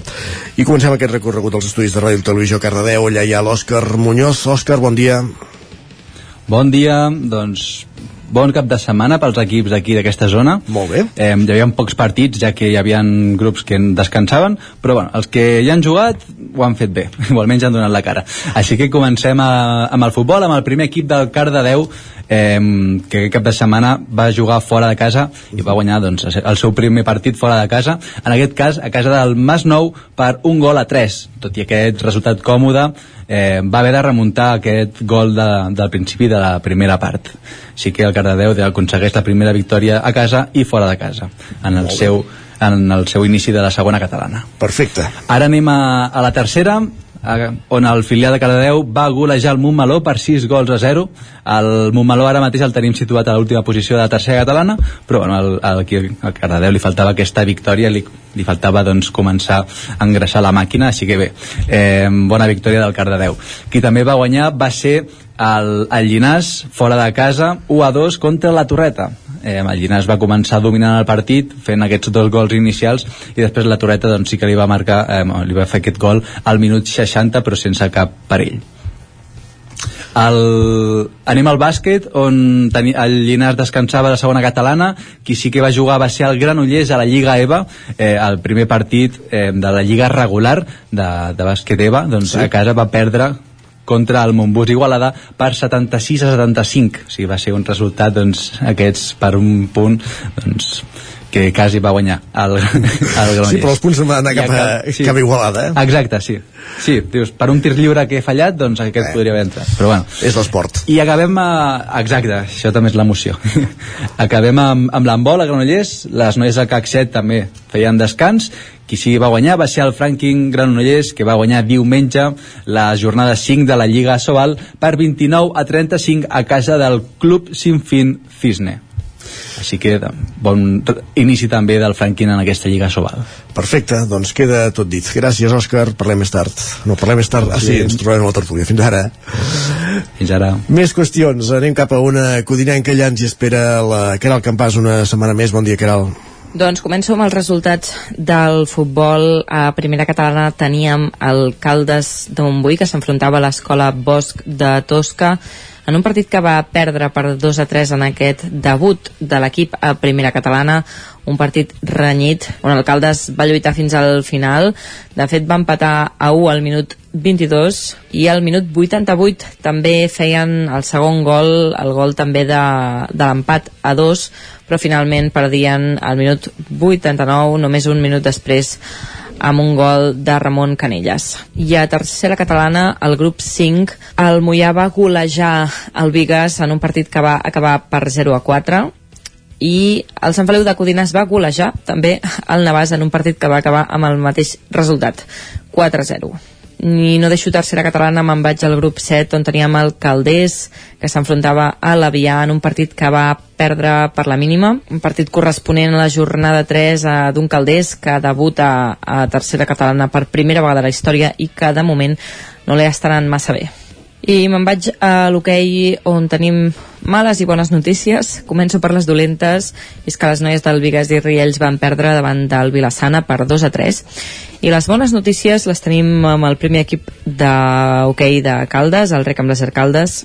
El Caldes disputava la Lliga de Campions aquest cap de setmana juntament amb equips um, internacionals i forma part dels equips classificats per la segona volta d'aquesta Lliga de Campions que jugarà al desembre. Van ser aquest cap de setmana han sigut doncs, tres jornades molt intenses on només en l'última jornada es va decidir els vuit equips classificats per la següent ronda. El Caldes formava part del grup D i com us deia, eh, l'últim partit d'aquesta classificació d'aquesta mini lligueta eh, doncs va ser clau per decidir els tres equips que, doncs, que es classificarien i que van lluitar fins a l'últim moment. El Caldes i el Balongo van sumar 5 punts gràcies a les victòries finals davant del Bassano, 3 a 5 i el Quebert 2 a 3 en l'última jornada de joc. Per tant, cita el 16, 17 i 18 de desembre per dues eliminatòries més, mentre que el sorteig dels grups està fitxat per mitjans d'octubre. Gràcies, Caral. Més qüestions. Anem fins a la veu de Sant Joan. Allà hi ha l'Isaac Muntades. Bon dia, Isaac. Bon dia, bon dia. Doncs aquest cap de setmana no ha anat exclusiv massa bé, podem dir, uh, no tenim cap victòria i si us sembla comencem parlant de, del derbi de futbol al grup 18 de la tercera catalana que va enfrontar el Camp de Bànol i la Badesenc i que evidentment doncs, va acabar amb repartiment de punts després d'un vibrant 2 a 2 en què els locals es van amençar a través de Maideu eh, en un penal per unes mans d'un defensa Sant Joaní. El Camp de Bànol també va tenir el, el segon gol però Sacrest, el porter de, de la Badesenc va estar encertat i tot seguit va empatar la Badesenc a través d'Àlex de Cruz als 20 minuts després d'una centrada de, de Dani González. Esteve, el porter canal va ser qui llavors va tenir més, més feina.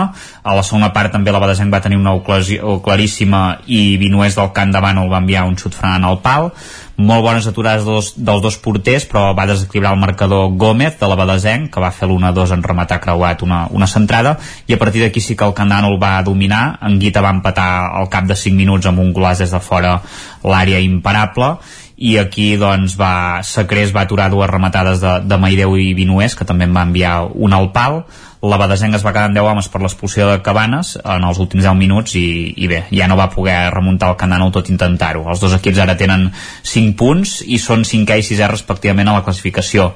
I el Camprodon no aixeca cap perquè va obtenir el seu tercer empat consecutiu, ara a un gol, al camp de l'Ètic Banyoles. Els camprodonins van tenir el control del partit però no van saber rematar el seu rival, tot i avançar-se amb un gol de Busquets al minut 65 després d'una bona jugada de combinació davant de, del porter i en rematava doncs, una centrada dins l'àrea petita i uh, quan ja semblava que obtindrien els 3 punts al minut 96 Sila va aconseguir un gol amb un refús des de fora a l'àrea. El Camprodon és 13 amb, amb 3 punts. Pel que fa a l'hoquei, a la Lliga Nacional d'Hoquei, males notícies perquè l'hoquei Club Ripoll va encaixar la segona derrota de la temporada en dos duels a la pista del Reus B per 2 a 1. Els ripollesos van mereixer un millor resultat i, de fet, a la primera part van ser millors i es van avançar gràcies a un gol d'aparició però no van estar encertats a, a pilota aturada i els reusencs van aconseguir l'empat abans del descans. A la segona part, tot i tenir el domini el Ripoll no va, no va ser efectiu i un equip que ja està més acostumat a aquestes batalles com el Reus B doncs es va avançar a l'electrònic i, i va fer el 2 a 1 els ripolleros són setens de 8 equips i segueixen sense puntuar. I per acabar aquest cap de setmana ha començat la Lliga Nacional de Futbol Sala i males notícies per l'escola de futbol Sala Ripoll Servicat que va perdre a casa per 3 a 5 contra el Tallà aquest dissabte. Um, són tretzens els ripollesos i no, evidentment no han sumat cap punt el Tallà va acabar guanyant la primera part 1-2 els ripollesos van ser superiors en l'inici de la segona i van aconseguir posar-se 3-2 amb gols de Marc Dani Eudal però no van saber sentenciar el resultat i, i al final doncs, els visitants es van aprofitar de les errades per guanyar uh, per 3-5 doncs gràcies Isaac mal cap de setmana de resultats als ripollers vinga fins ara fins ara. Més qüestions i eh, acabem aquest recorregut als estudis del 9FM en companyia de l'Ester Rovira. Benvinguda, Ester. Bon dia. Bon dia aquí amb una mica més de tot. Una bon... mica més de tot, val. un, un, I de fet, si vols, comencem per un bon resultat, que és la segona victòria del Voltregà aquesta temporada a l'Hockey Lliga. Sí. sí uh, aconseguida ahir al vespre a casa contra l'Igualada per 5 a 3 en un partit que va ser intens, igualat, uh, emocionant, uh, i on això, a base de molt treball, els de Sant Hipòlit van acabar uh, sentenciant un, el partit, que això, que tota l'estona va ser molt igualat, es van avançar, l'Igualada va empatar, el Voltregà es va tornar a passar per davant, l'Igualada va tornar a empatar, després es va avançar a l'Igualada i no va ser fins al final del, del partit que el Voltregà va poder-ho sentenciar amb tres gols del capità Eric Vargas uh -huh. i uh, fent una mica evident aquestes bones sensacions que hi havia hagut en els cinc primers partits de Lliga però que només el dia de l'Alcoi havien tingut recompensa en forma de, de punts. Uh, això pel que fa a l'hoquei Lliga, l'hoquei Lliga femenina en canvi derrotes dels dos conjunts usonencs. Uh, el Manlleu va perdre a casa contra, contra el Palau per 1 a 6 uh, amb un repòquer de gols d'Aina Florença, que va deixar sense opcions les manlleuenques, tot i jugar a casa, i el Voltregà va plantar cara, però no va poder amb el Fraga, que és un d'aquests equips que aquesta temporada doncs, ha fet una aposta per ser a la part alta de la classificació, 2 a 1, eh, tot i així, eh, bon, bon paper també de, del Voltregà, lluitant a, a domicili eh, en una pista que, que, no, que, no va ser, que no va ser fàcil. Carai.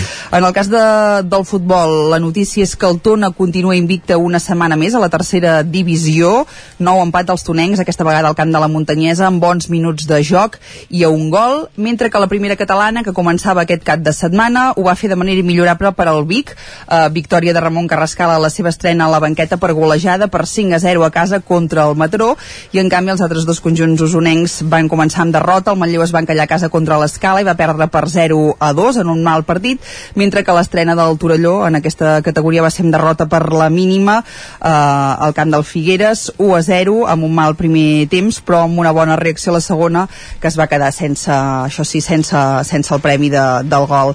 També derrota eh, amb el cap ben alt del Vic Riu primer de la primera divisió nacional femenina, plantant cara al camp del líder, l'Osca, però perdent per 2 a 0. I una altra de les notícies d'aquest cap de setmana era l'estrena de, de la Lliga EVA amb el Club Basquet Vic Universitat de Vic, que es va estrenar guanyant eh, a casa, eh, a més a més eh, vencent i convencent, eh? una bona posada en escena també dels de Sergi Fortes en aquest primer partit eh, contra el Martorell 83 a 77 i això doncs els deixa eh, en aquesta estrena, encara que sigui doncs, de manera simbòlica a la part alta juntament amb els altres equips que també han aconseguit la, la victòria. I més enllà de la jornada regular acabem destacant que aquest, que, aquest bueno, al llarg de tota la setmana, de fet Sí. eh, Vic s'ha disputat eh, l'Europeu Júnior de, de Raids i també el Mundial de Cavalls Joves de, de Raid típic, d'aquesta disciplina de la qual Osona doncs, és un referent mundial i justament ho va fer evident guanyant l'Europeu Júnior eh, amb una entrada a la meta conjunta entre Joan Ullastre de Vilallons i Gerard Casadesús de l'Esquirol. Finalment l'or per a Ullastre i la plata per Casadesús i a més a més també es van penjar l'or per equips mentre que en la prova del Mundial el vencedor va ser el príncep de Bahrain Nasser bin Hamad Al Khalifa. Eh, això sí també eh, després d'estar lluitant gran part del recorregut amb un altre eh, usonenc eh, en aquest cas Gil Berenguer de, de la Vall del Gès eh, l'uruguaiana fincada a Osona Lucía La Teulade i un altre genet de, en aquest cas de Kuwait eh, que van ser els que van estar lluitant però al final doncs el príncep va ser el vencedor Ho deixem aquí, gràcies Esther. que vagi bé El nou FM, la ràdio de casa, al 92.8. A la Rosseria de Vic et portem sopar i espectacle. Dissabte vine a gaudir d'un menú especial mariner i de les habaneres del grup xarxa. Navalles gallegues, bunyols de bacallà, rossejat de xipirons i escopinyes, tonyina fresca i molt més. Directament des de la llotja d'Arenys de Mar a la nostra cuina. Ho trobaràs per només 45 euros el 8 d'octubre al sopar i espectacle de la Rosseria de Vic. Fes la teva reserva per telèfon al 93 885 68 39. No t'ho perdis. El diumenge 9 d'octubre tornen els bolets a ceba. 24 en edició de la Festa del Bolet, una de les fires de referència pel sector boletaire a Catalunya. Hi trobaràs les tradicionals parades de productes relacionats amb els bolets, festeig i exposicions, activitats i actuacions i l'esperat concurs de bolets. Vine a la 24a Festa del Bolet de Ceba. Més informació a ceba.cat. A Deportec estem especialitzats en el tractament d'aigües residuals i el tractament de purins. Donem un servei integral en el tractament de l'aigua, oferint el disseny de la línia hidràulica, reparacions i manteniment, analítiques, formulació i subministrament de productes químics. Ara a Deportec et podem ajudar a obtenir un gran estalvi energètic en la deshidratació de fangs, oferint-te un sistema innovador, el Depordisc. Deportec, ens trobaràs al carrer de la Fusteria 22, al polígon de les Gaules, a Tona. A Rialtec som especialistes en instal·lacions fotovoltaiques, aerotèrmia, clima i instal·lacions integrals pel teu habitatge o la teva empresa. Demana el teu pressupost sense cap compromís. Rialtec. Ens trobaràs al carrer Narcís Monturiol 22 de Gurb i al telèfon 93 131 1796. Amb Pradell estalvio energia i cuido la meva butxaca i el medi ambient. Posa't en mans de Pradell, són experts en calderes de gas i condensació, estufes de pèl·let, energia solar, terres radiants i geotèrmia. Pradell instal·la calderes de biomassa per a particulars i per a empreses. Si vols estalviar un 50% en consum, contacta amb Pradell i passa't a les energies renovables. Pradell, som a l'Avinguda Països Catalans 27 de Vic. Telèfon 93 885 11 97. Pradell.cat. Cocodril Club. Si t'agrada la bona música dels anys 60, 70 i 80, escolta el 9 FM els matins de dissabtes i diumenges d'11 a 1. És el temps del Cocodril Club, tot un clàssic de la ràdio, amb les bases del pop-rock, les llegendes, les cançons que s'han convertit en autèntics himnes. Recorda, dissabtes i diumenges al matí, d'11 a 1, al 9 FM 92.8. Cocodril Club, el programa revival de l'Albert Malla. Hasta luego, En punt ara mateix, dos quarts d'onze a l'hora Sánchez, al territori 17.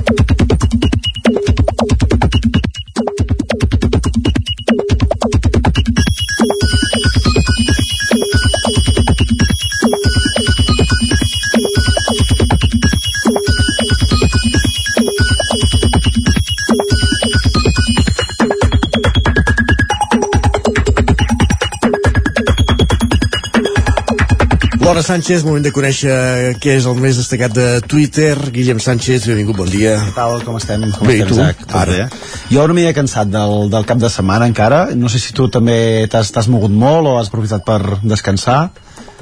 Uh, has descansat? He descansat prou, Sí? sí, sí? Doncs va, no sé si ets més del que també ens comenta l'Eric per Twitter, que ens diu respecto que a la gent li agradi sopar els dissabtes i posteriorment allargar les nits, però a certa edat, un bon dinar de diumenge amb els col·legues amb una llarga sobretaula ple de combinats i jocs de taula és molt més agradable i profitós per les relacions interpersonals. Què en penses? Dissab Sí, sí, dissabte sopar o, o diumenge dinar? Quan et vas fer gran, fins i tot per, a nivell de, de pair també és millor el dinar que el sopar. Va, doncs vinga, punt, punt positiu per al diumenge. A la massa li diu, quan vols quedar, quan vols quedar per jugar a petanca? No sé si el consideren ja una persona massa, massa gran després d'aquest comentari a, a l'Eric. Quin comentari més falton. Ok, ok. I l'Anna ens descriu la realitat d'una manera molt evident amb la seva resposta. Ens diu, la meva festa d'aniversari ha passat del dissabte al vespre al dissabte al migdia. Això vol dir també que potser que Ja, ja va ser una mica això, sí. ens fem tots alguna mica grans. Va, i alguns com la Mònica, no sé si se'ls ha posat massa bé, aquest dilluns ens diu s'ha acabat la festa major, és dilluns, m'he trobat una panerola a casa i m'ha parat la policia. Bon dia. Poden passar més coses amb un, amb un dilluns del qual portem, em sembla ara, 10 hores i mitja? Em sembla, em sembla que no. Va, segur que demà serà diferent per ella i jo ja ho havíem comentat alguna vegada, però l'Andrea segueix deixant constància del que està passant ara mateix. Ens escriu la meitat de l'Instagram casant-se i l'altra meitat emborratxant-se als casaments. I no és maco, això. no és maco, no és maco. Avui, Isaac, som 3 d'octubre. Sí. Correcte, oi? Fa 5 anys del discurs del rei. I la Marta s'ha posat una mica nostàlgica Iam. avui dilluns. Diu, el 3 d'octubre va ser un dia històric. Diu, concretament, em refereixo al 3 d'octubre del 2014 que servidora de vostès va decidir marxar a viure a Londres amb tot el dolor del món i va perdre el vol que tenia programat aquell dia per començar aquella nova etapa. Però l'etapa després d'aquesta arrencada tan fatal va anar bé o no? Va anar bé i em sembla que llavors al mateix aeroport, mentre l'estaven consolant, després d'haver perdut el vol, eh, comenta que es va trobar amb Eduardo Zaplana caminant per l'aeroport. Vull dir que no sé si el dia podia ser pitjor ja del que, del que va ser aquell 3 d'octubre de 2014. Home, podia ser bastant pitjor, sí. Va, i avui l'Arnau també s'ha trobat amb una bona notícia. Ens diu, m'han ficat al grup de WhatsApp de classe després de 3 setmanes d'haver començat el curs. Està bé, no, això? Està Home, bé. ha, tingut 3 setmanes de treva. Val a dir-ho. Home, això suposo que per eh, allò que es fa però que no es fa de passar treballs i coses i Ah, no sé què, això segur que ha d'anar bé. Molt bé. I l'Olga està una mica preocupada, per això ens diu un dia ets jove i l'endemà tens una filla que comença la universitat. Dic, home, hi ha un temps de marge, no?, entre ser jove i tenir una filla Sí, que però, comenci. però passa volant. Sí, segur? Home, explica-li una mica a l'R que ja el tens aquí a punt de, de parlar d'esports. Ens ho, ens, ho, ens ho confirmes, Miquel? Ens ho, confirmo. ens ho confirmes? T'ho confirmo, que tinc més d'una ja a la universitat. Sí, sí, passa volant. Va, i per acabar una petició de l'Èlia que ens diu si ha de fer fred, que faci fred de veritat, que ja em vull posar els jerseis de llana. Jo no en tinc cap de jersei de llana, però sí que també tinc ganes ja una miqueta de buf, guants i de, i de, i de gorro. Una mica de gorro. Fa mandra, eh? Fa mandra aquesta, aquest temps, eh? Que comença, però sí que és veritat, i, i el que fa més ràbia és, per exemple, aquest estiu amb la calor que hem passat, no sé si us ha passat a vosaltres al, al pis on vius, i de cop, en dos dies, fa fred a dins, no? Correcte, Perquè sí, sí, sí. I dius, com, com podríem emmagatzemar-la, aquella calor que teníem allà? I dius què fas? Jersei, calefacció, manta, treus ja les coses De o... moment, sí, sí, una manteta sobre Amb el llit... amb el fred hi pots anar posant coses, amb la calor no pots treure res, ja, veritat, un moment, eh? L'Isaac el tenim cap a la banda de, del fred, ja ho Jo veig, sempre ja ho sí, veig, jo- sí, sí. Doncs va, demà més, Isaac. Va, vinga, gràcies, Guillem. Bon dia. Bon dia.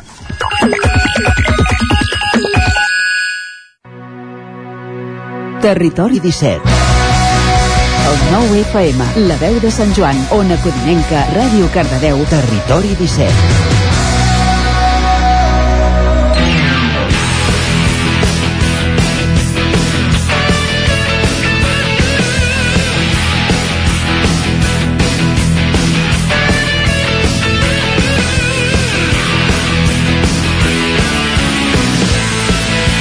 Doncs vinga, 5 minuts que passen justos de dos quarts d'onze del matí, entrem a la tertúlia esportiva, avui en companyia de Miquel R, que ja l'hem saludat aquí a l'estudi, de l'Isaac Muntades, benvinguts tots dos. Bon dia. Molt bon dia. Mirarem d'incorporar en el transcurs de la tertúlia Lluís de Planell, que el tenim de viatge i mirem de, de fer-li alguna trucada telefònica, però mentrestant comencem una tertúlia pre-jornada de Champions, una vegada més, però post-jornada de Lliga, en què el Barça va, va passar el tràmit davant del Mallorca, 0-1. El Girona va perdre amb la Real Societat en un partit molt intens. L'Espanyol va empatar i el Madrid va empatar amb l'Ossassuna al Bernabéu. Correcte, correcte. I, de- i de fet no, no és allò... No, no és... Clar, el Barça feia pràcticament o més de dos anys que no era líder a la Lliga Espanyola. Vull dir que és una anècdota, no estem, no, no estem en lloc. Sí, sí, hi, ha, hi ha una dada que De moment, trobar... en aquest moment guanyaríem la Lliga, co-líder, diguin-hi com vulguis, però en aquest moment guanyaríem la Hi ha una Lliga. dada per això, Isaac. El Barça ha No sé. encaixat un gol en tota la Lliga. Ho vaig trobar espectacular, en set jornades. Només un gol. Sí, el Burgos no n'ha encaixat cap en 8 jornades a segona divisió. Però estem parlant de primera, dos. estem parlant de primera. Clar, aquest és, el, aquest és el problema, no? Però hi ha El Bar- empatat el 6 Barça- el partits a Barça n'ha 0. fet 19. Sí, A però veure, tranquils. No, és tranquils. és, veritat, és, És una dada, i prou, és, dic són, dades, però clar, fa, no, no deixen de fer un punt d'il·lusió, sobretot perquè el Madrid tenia aquesta dinàmica jo tinc la impressió de que tiraven una mica de serveis mínims i per tant ja hi serem a temps i sempre hi han set a temps i els hi ha anat molt bé l'estratègia i aquesta vegada potser no devien comptar que fins i tot poden arribar a fallar un penal per exemple i aquesta vegada no ha sortit bé la jugada i d'aquí mira, a vegades pot escapar algun empat no som en lloc però evidentment la, la família Culer ens en, ens en felicitem eh? Bueno, el Madrid tenia alguna baixa important perquè recordem que no, no hi havia Modric, que està lesionat, que va tornar lesionat de les seleccions. No hi havia Courtois, que és el porter titular. Hi havia Benzema, que tornava d'una lesió i que va fallar doncs, a, el penal, però bueno, tampoc no estic gaire intranquil perquè ja hi haurà partits per, per remuntar l'any passat tampoc vam guanyar l'Ossassuna al Bernabéu vull dir que tam tampoc no és una cosa que no hagi passat habitualment de fet l'Ossassuna és un rival perillós que li diguin al Barça que en els últims anys més d'una vegada l'ha- guanyat i, i també va ser el Camp Nou en aquella fatídica lliga on se'n va anar tot el traste. Vull dir que tranquils tranquils, estem empatats a punts. Han de Tot- jugar el tot- Madrid contra el Barça. Hi ha temps, hi ha temps de tot. És veritat, el Barça tampoc va fer un bon partit eh, va fer un partit eh, més que discret, diria, dels més fluixets que ha fet aquesta temporada, però eh, han tornat diguéssim poder a, a l'essència d'aquell futbol que aquí no hi ha ni, ni, ni estratègies ni pissarres, és un bon porter i un gran davanter centre, per tant a vegades amb això es pot fer molta feina. I si no, demaneu-los al Madrid que és com va tirar l'any passat tota la Lliga no? amb un bon porter i un bon da- davanter centre. En aquesta ocasió la fórmula doncs, ens l'hem aplicat nosaltres i ens ha funcionat ens ha funcionat en aquests partits que a vegades són trebats, que són desagradables el- els partits de, de la guerra sempre són a, a darrere molt, molt, són espessos i són aquells partits que, general- que el, el Barça els perdia l'any passat per tant no, tens raó, no som en lloc però és positiu que aquests partits els sapiguem treure amb això, amb un gol quan toca que és eh, l'estratègia del Madrid durant molts i molts partits. Està bé eh, que el Barça ara vagi líder després de dos anys perquè d'aquesta manera, bueno com que ells ja deien no, som millors, no sé què i ara, ara que són líders empatats a punts amb el Madrid, repeteixo doncs podran tenir unes setmanes de dir, bueno d'eufòria, no? Ja veurem si d'aquí doncs, un, uns dies torna a la realitat. De fet, queden un parell de dies per jugar la, la Champions, que aquí tinc moltes ganes de veure què fa. Demà, demà, demà, és important. Sí, però demà, era important anar-hi amb dinàmica positiva i sabent que tu pots treure, perquè demà és, és això, eh? Tots estem parlant un altre cop, estem a principis d'octubre i ja parlem de partits que marquen temporades, no? Però sí que és veritat que és un mm. punt d'inflexió important pel Barça perquè aquí sí que se la juga vull dir que és amb qui s'hauran de jugar aquesta segona plaça a la Champions i per tant demà comença a marcar ja s'haurà de marcar territori és, és caixa o faixa Sí, és, perquè anar a l'Europa League en principi no entra dins dels plans. En principi no entraria, no. no. Clar, no ens, ha, no ens ha tocat un grup eh, propi d'Europa League, League, com el Madrid, que estan jugant no, amb aquest relax, que, el que, bueno, que va bé. Ara ha de ser avorrit, eh, jugar amb aquests. Jo, jo també ha de ser no una mica no, decebedor, la veritat, anar a Camp del Madrid, per exemple, a veure aquests partits, eh, amb, amb, aquests, amb aquests equips. Home, ha de ser una fase Glasgow, prèvia. Sí, sí, campió d'Europa. I tant, i tant. Quin any? Campió d'Europa, no? Quin any? 60 i alguna cosa. De les, igual. De les sí, sí, del Madrid, no? No, no, si et sembla que això porta... Doncs molt bé, enhorabona, enhorabona, si això us satisfà. Ens trobarem més endavant. oh, espero que no, espero que ja us hagin eliminat i que nosaltres doncs anem, anem facturant els altres eh, equips. És que no m'agrada jugar amb equips del mateix país a la Champions. La Champions ah, està feta una pensava, mica per jugar. pensava que tenies algun que era per alguna altra qüestió sí. esportiva. Home, fa, fa poc que ja hem jugat dos finals amb, amb l'equip de la mateixa ciutat ja no del mateix país, vull dir una mica de descans, no? equips de d'arreu de, d'Europa hi ha equips que també em faria il·lusió jugar que, que en els últims anys tampoc hi hem jugat com per exemple el Milan no? Mm -hmm. doncs bueno no seria el cas de, del Barça si pot ser que no ens els trobem no sé, mm, és això, són dinàmiques, eh? Vull dir que si l'afició del Madrid esteu satisfets amb trobar faltant Modric, que ara no recordo els anys que té, i aquesta és la il·lusió, 37, i, i tu veus, eh? i tu veus doncs, que la mitja del Barça és la mitja de la selecció espanyola, amb, eh, amb jugadors, no?, amb, amb la projecció que estan mostrant, eh, parlaves de lesionats, també en tenim un munt, eh? Perquè han set cinc lesionats amb, amb aquest, eh, firu, eh, amb virus, aquest virus FIFA. FIFA, però vull dir que endavant, vosaltres heu de continuar il·lusionats amb el vostre equip, nosaltres nosaltres Clar, de moment exacte. Eh, amb el nostre, és així anem pel bon camí de l'Espanyol parlem d'aquí una estona que farem entrar per telèfon a Lluís de Planell eh, el Girona va fer un partidàs amb la Real Societat eh, no vaig poder veure el partit eh, però és que veia comentaris de que la defensa del Girona és una mica fluixa per dir-ho suau. Sí, és clar, és que a casa marcar 3 gols eh, has de fer, vull dir que hauries de fer un bon resultat, clar, si et fan 5 gols eh, tens un problema. Mm -hmm. Mm -hmm sí, sí, és un, cul, és un coladero i també suposo que una mica la, la porteria de fet es van fitxar dos porters si no recordo malament a, a, la, a la pretemporada està jugant el que el que jugava l'any passat de titular, Juan Carlos, en principi, vull dir que no sé si se li donarà uh, alternativa. Tampoc he vist molt el resum i sé com m'han set els gols si, ella, si ja ha tingut molta culpa, no? com en el cas del porter de l'Espanyol, eh? que clarament va tenir culpa en el, en el segon gol de, del València però clar, sí que home, hi ha jugadors que són bons. Jo crec que el Girona té un bon equip. En general no té mal equip però sí que la part ofensiva és molt millor que la sobretot mig del camp en endavant i, i, i té un parell de davanters que jo crec que si estan sants doncs ho, ho poden fer bé però el que és la, la part de darrere poder sí que eh, tot i haver-se reforçat amb algun jugador com, com David López o això, que tampoc ara està jugant perquè està lesionat, doncs poder li falta una mica més, no? I, i no, pots, no pots perdre un partit que estàs guanyant 3 a 2 a la segona part. No pots, no pots i no et poden remuntar en 5 minuts.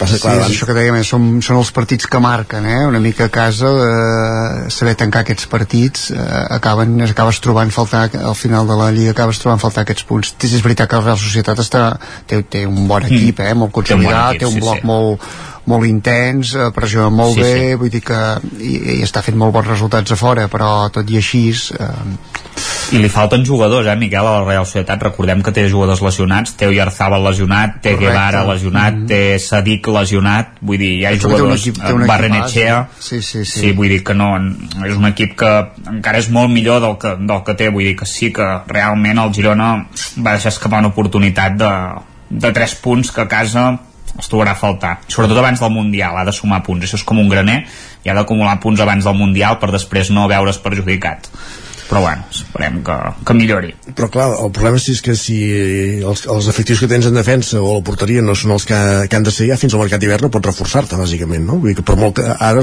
pots treballar amb el que tens i, i, i rascar el que puguis no? entenc?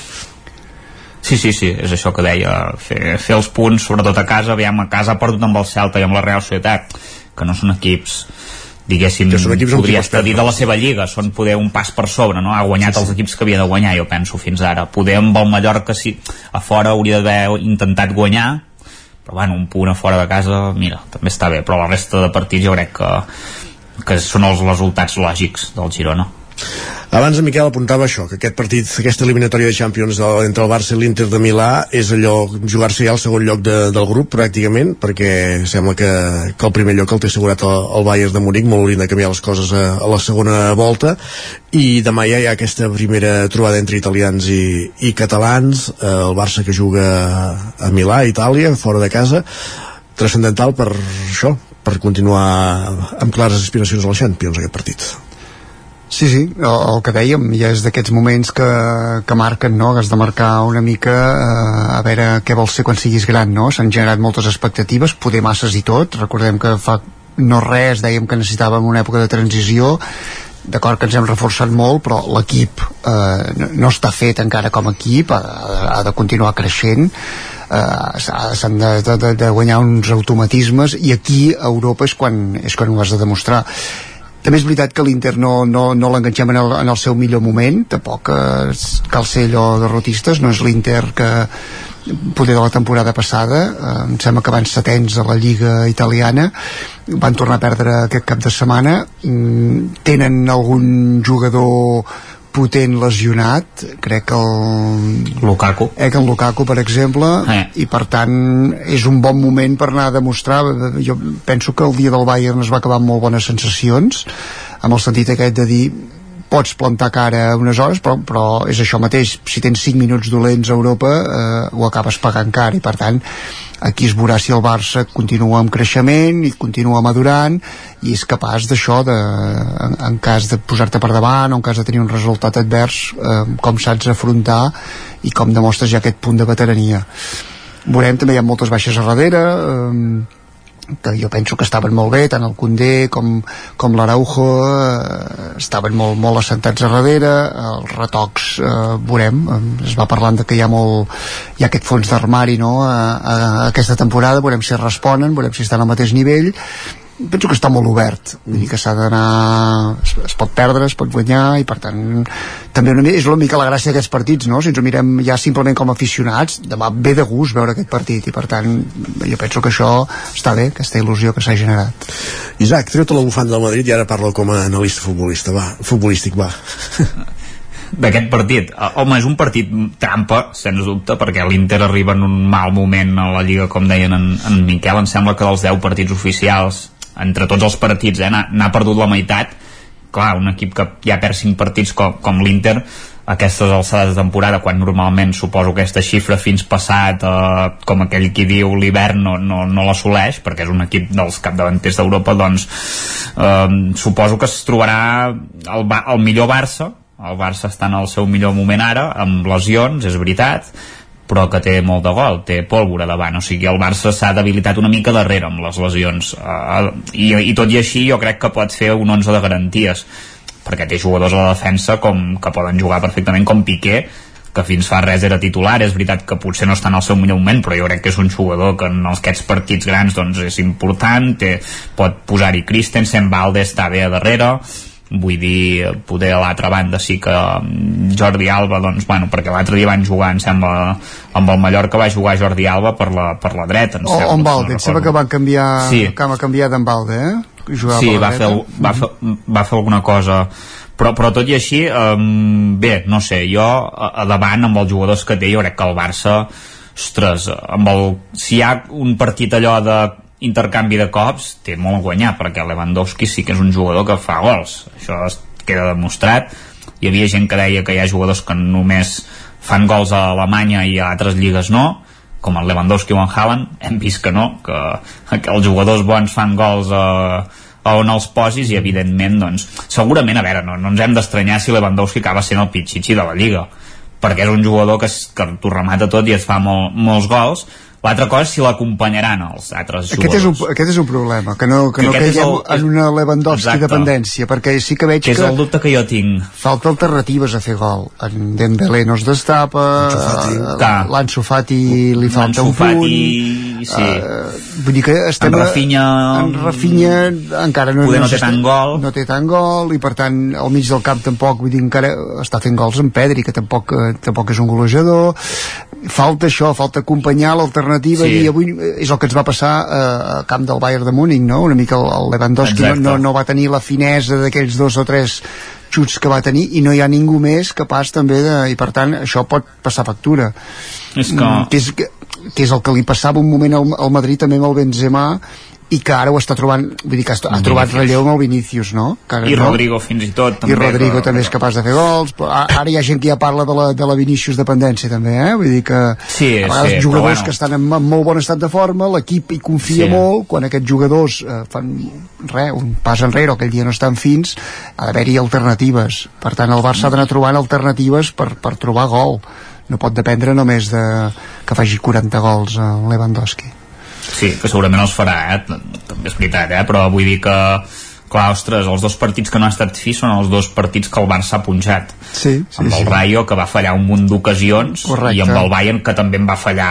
alguna de clara i aquell partit el Barça segurament si arriba a tenir una mica de punteria la primera part l'hagués matat però la Champions té això, tens 10 minuts dolents a la segona que és el que li va passar, va tenir 10 minuts dolents, Sí, sí. molt dolents i li van fer dos gols i, i bé, suposo que el, el Barça es decidirà el grup amb l'Inter vull dir, clarament, vull dir, si treu un empat jo crec que és un bon resultat perquè el Camp perquè llavors venen a casa sí, sí. Sí, penso que guanyarà i evidentment el Barça guanyarà el Victoria Pilsen i crec que en el Bayern a casa, com està el Bayern ara, el Barça també el pot guanyar.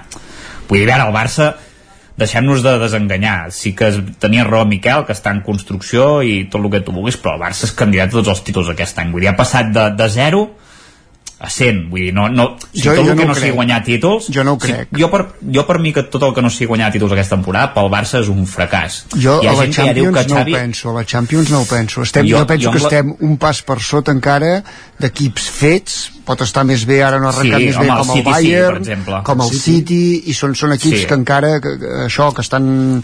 El Barça està en construcció, s'ha d'anar veient, és el que, és, és el que Sí. vam veure. que Aquests 10 minuts dolents no el tenen el, aquests jugadors per estar ja en part, eh, quan est- estan jugant els quarts de final o vuitens o aquestes fases és, jo, no, jo el veig encara un pas per sota jo intentar Mm. aspirar al triplet com anys enrere seria, jo Clar. penso, fer volar coloms es pot lluitar per la Lliga pot lluitar per la Lliga, si el Madrid també es refia de que, que van molt, molt per la Champions no? Allò, vull no sé, jo penso que no estem a 100, com dius, de 0 a 100, jo penso que encara hi ha camí per córrer.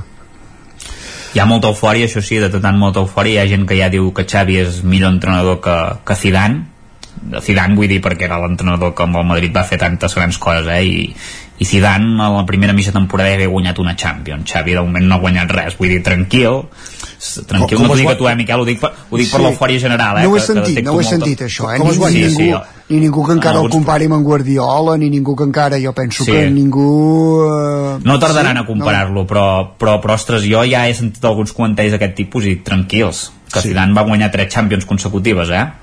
Vull dir, no... Jo crec que Xavi d'entrenador encara li falta, eh? Vull dir, li falta... Jo també, jo i- també ho penso, eh?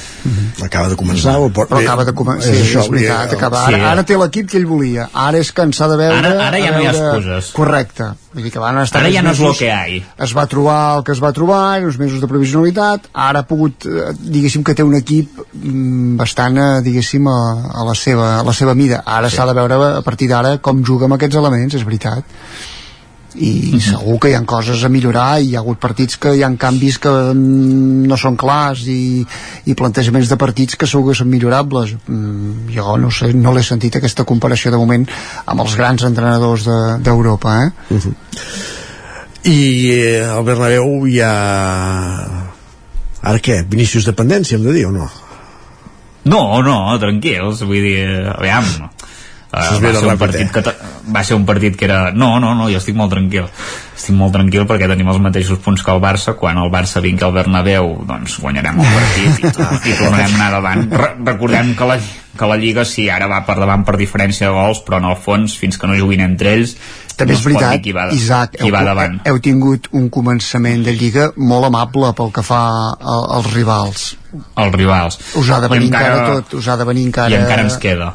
Vull dir que... Encara ens queda perquè tenim un mes i mig que, Jo que com que és, pràcticament és una no... lliga tan estranya perquè eh, dependrà tant del Mundial dels jugadors Sí. que juguin, de qui torni lesionat, de qui torni decebut, de qui torni eufòric, de qui, vull dir que costarà, dependrà tant de la represa, qui torna a enganxar, saps? perquè per tant aquests mesos està molt bé, sobretot això que dèiem, a la part baixa aquests que necessiten anar sumant punts pel serró, sí. però a dalt dependrà molt de la represa, de, ja dic, del desgast que hi hagi dels diferents jugadors, de com tornin, de la motivació, per tant jo penso que ara és molt aventurat pensar... de les vacances, Correcte. de les vacances que els hi donin, perquè Ancelotti ja va dir que potser alguns jugadors que, que tornessin del Mundial, preveient que podien arribar lluny, doncs els haurien de donar vacances i potser haurien de fer pretemporada, vull dir, podem estar veient que hi ha alguns equips que hauran de jugar amb algunes alineacions una mica estranyes de jugadors poc habituals en, Correcte. en partits després del postmundial, no?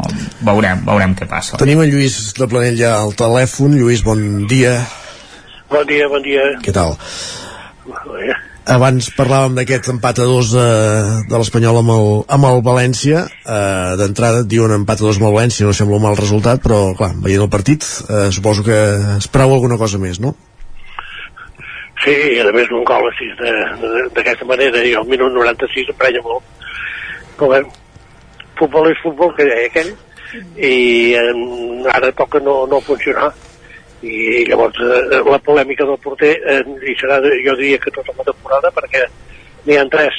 Un encara no ha jugat, que és en Joan Garcia, que és, ara sembla l'alternativa, perquè els altres dos no han funcionat, però jo penso que també eh, el porter, el porter d'ahir doncs, està molt, amb, un, amb un nivell bo i que bueno, s'ha d'adaptar. La posició de porter és la, de les més complicades en un equip de futbol i ho han d'aconseguir segur, segur que anirà bé Encara trobareu a faltar en López, eh?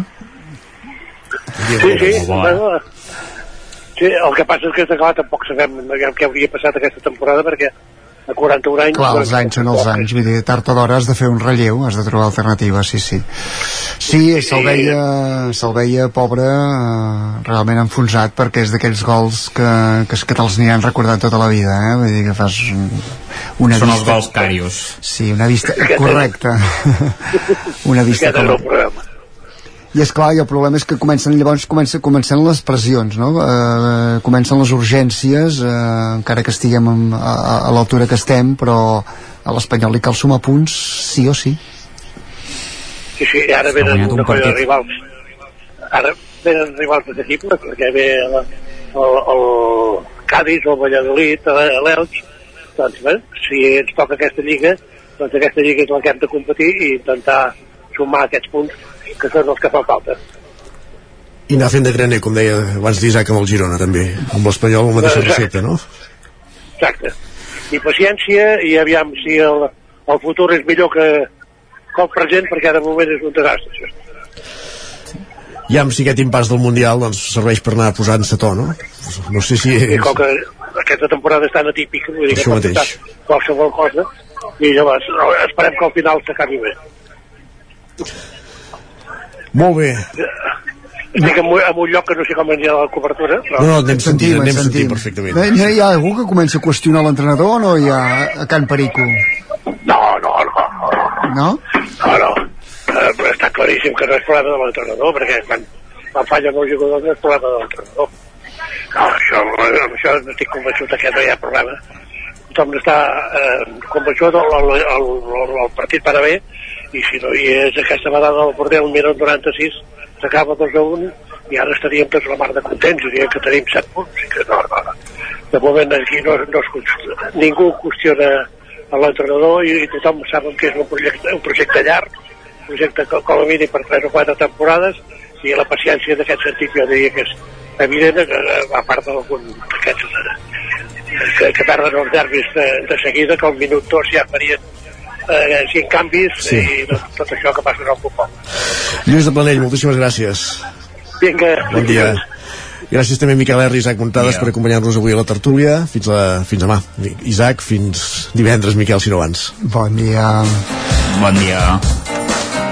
Acabem el territori 17 d'aquest dilluns, 3 d'octubre de 2022. Us hem acompanyat des de les 9 del matí. Pepa Costa, Laura Serrat, Esther Rovira, Caral Campàs, Òscar Muñoz, Guillem Sánchez, Lluís de Planell, Isaac Montades, Miquel R, Sergi Vives i Isaac Moreno.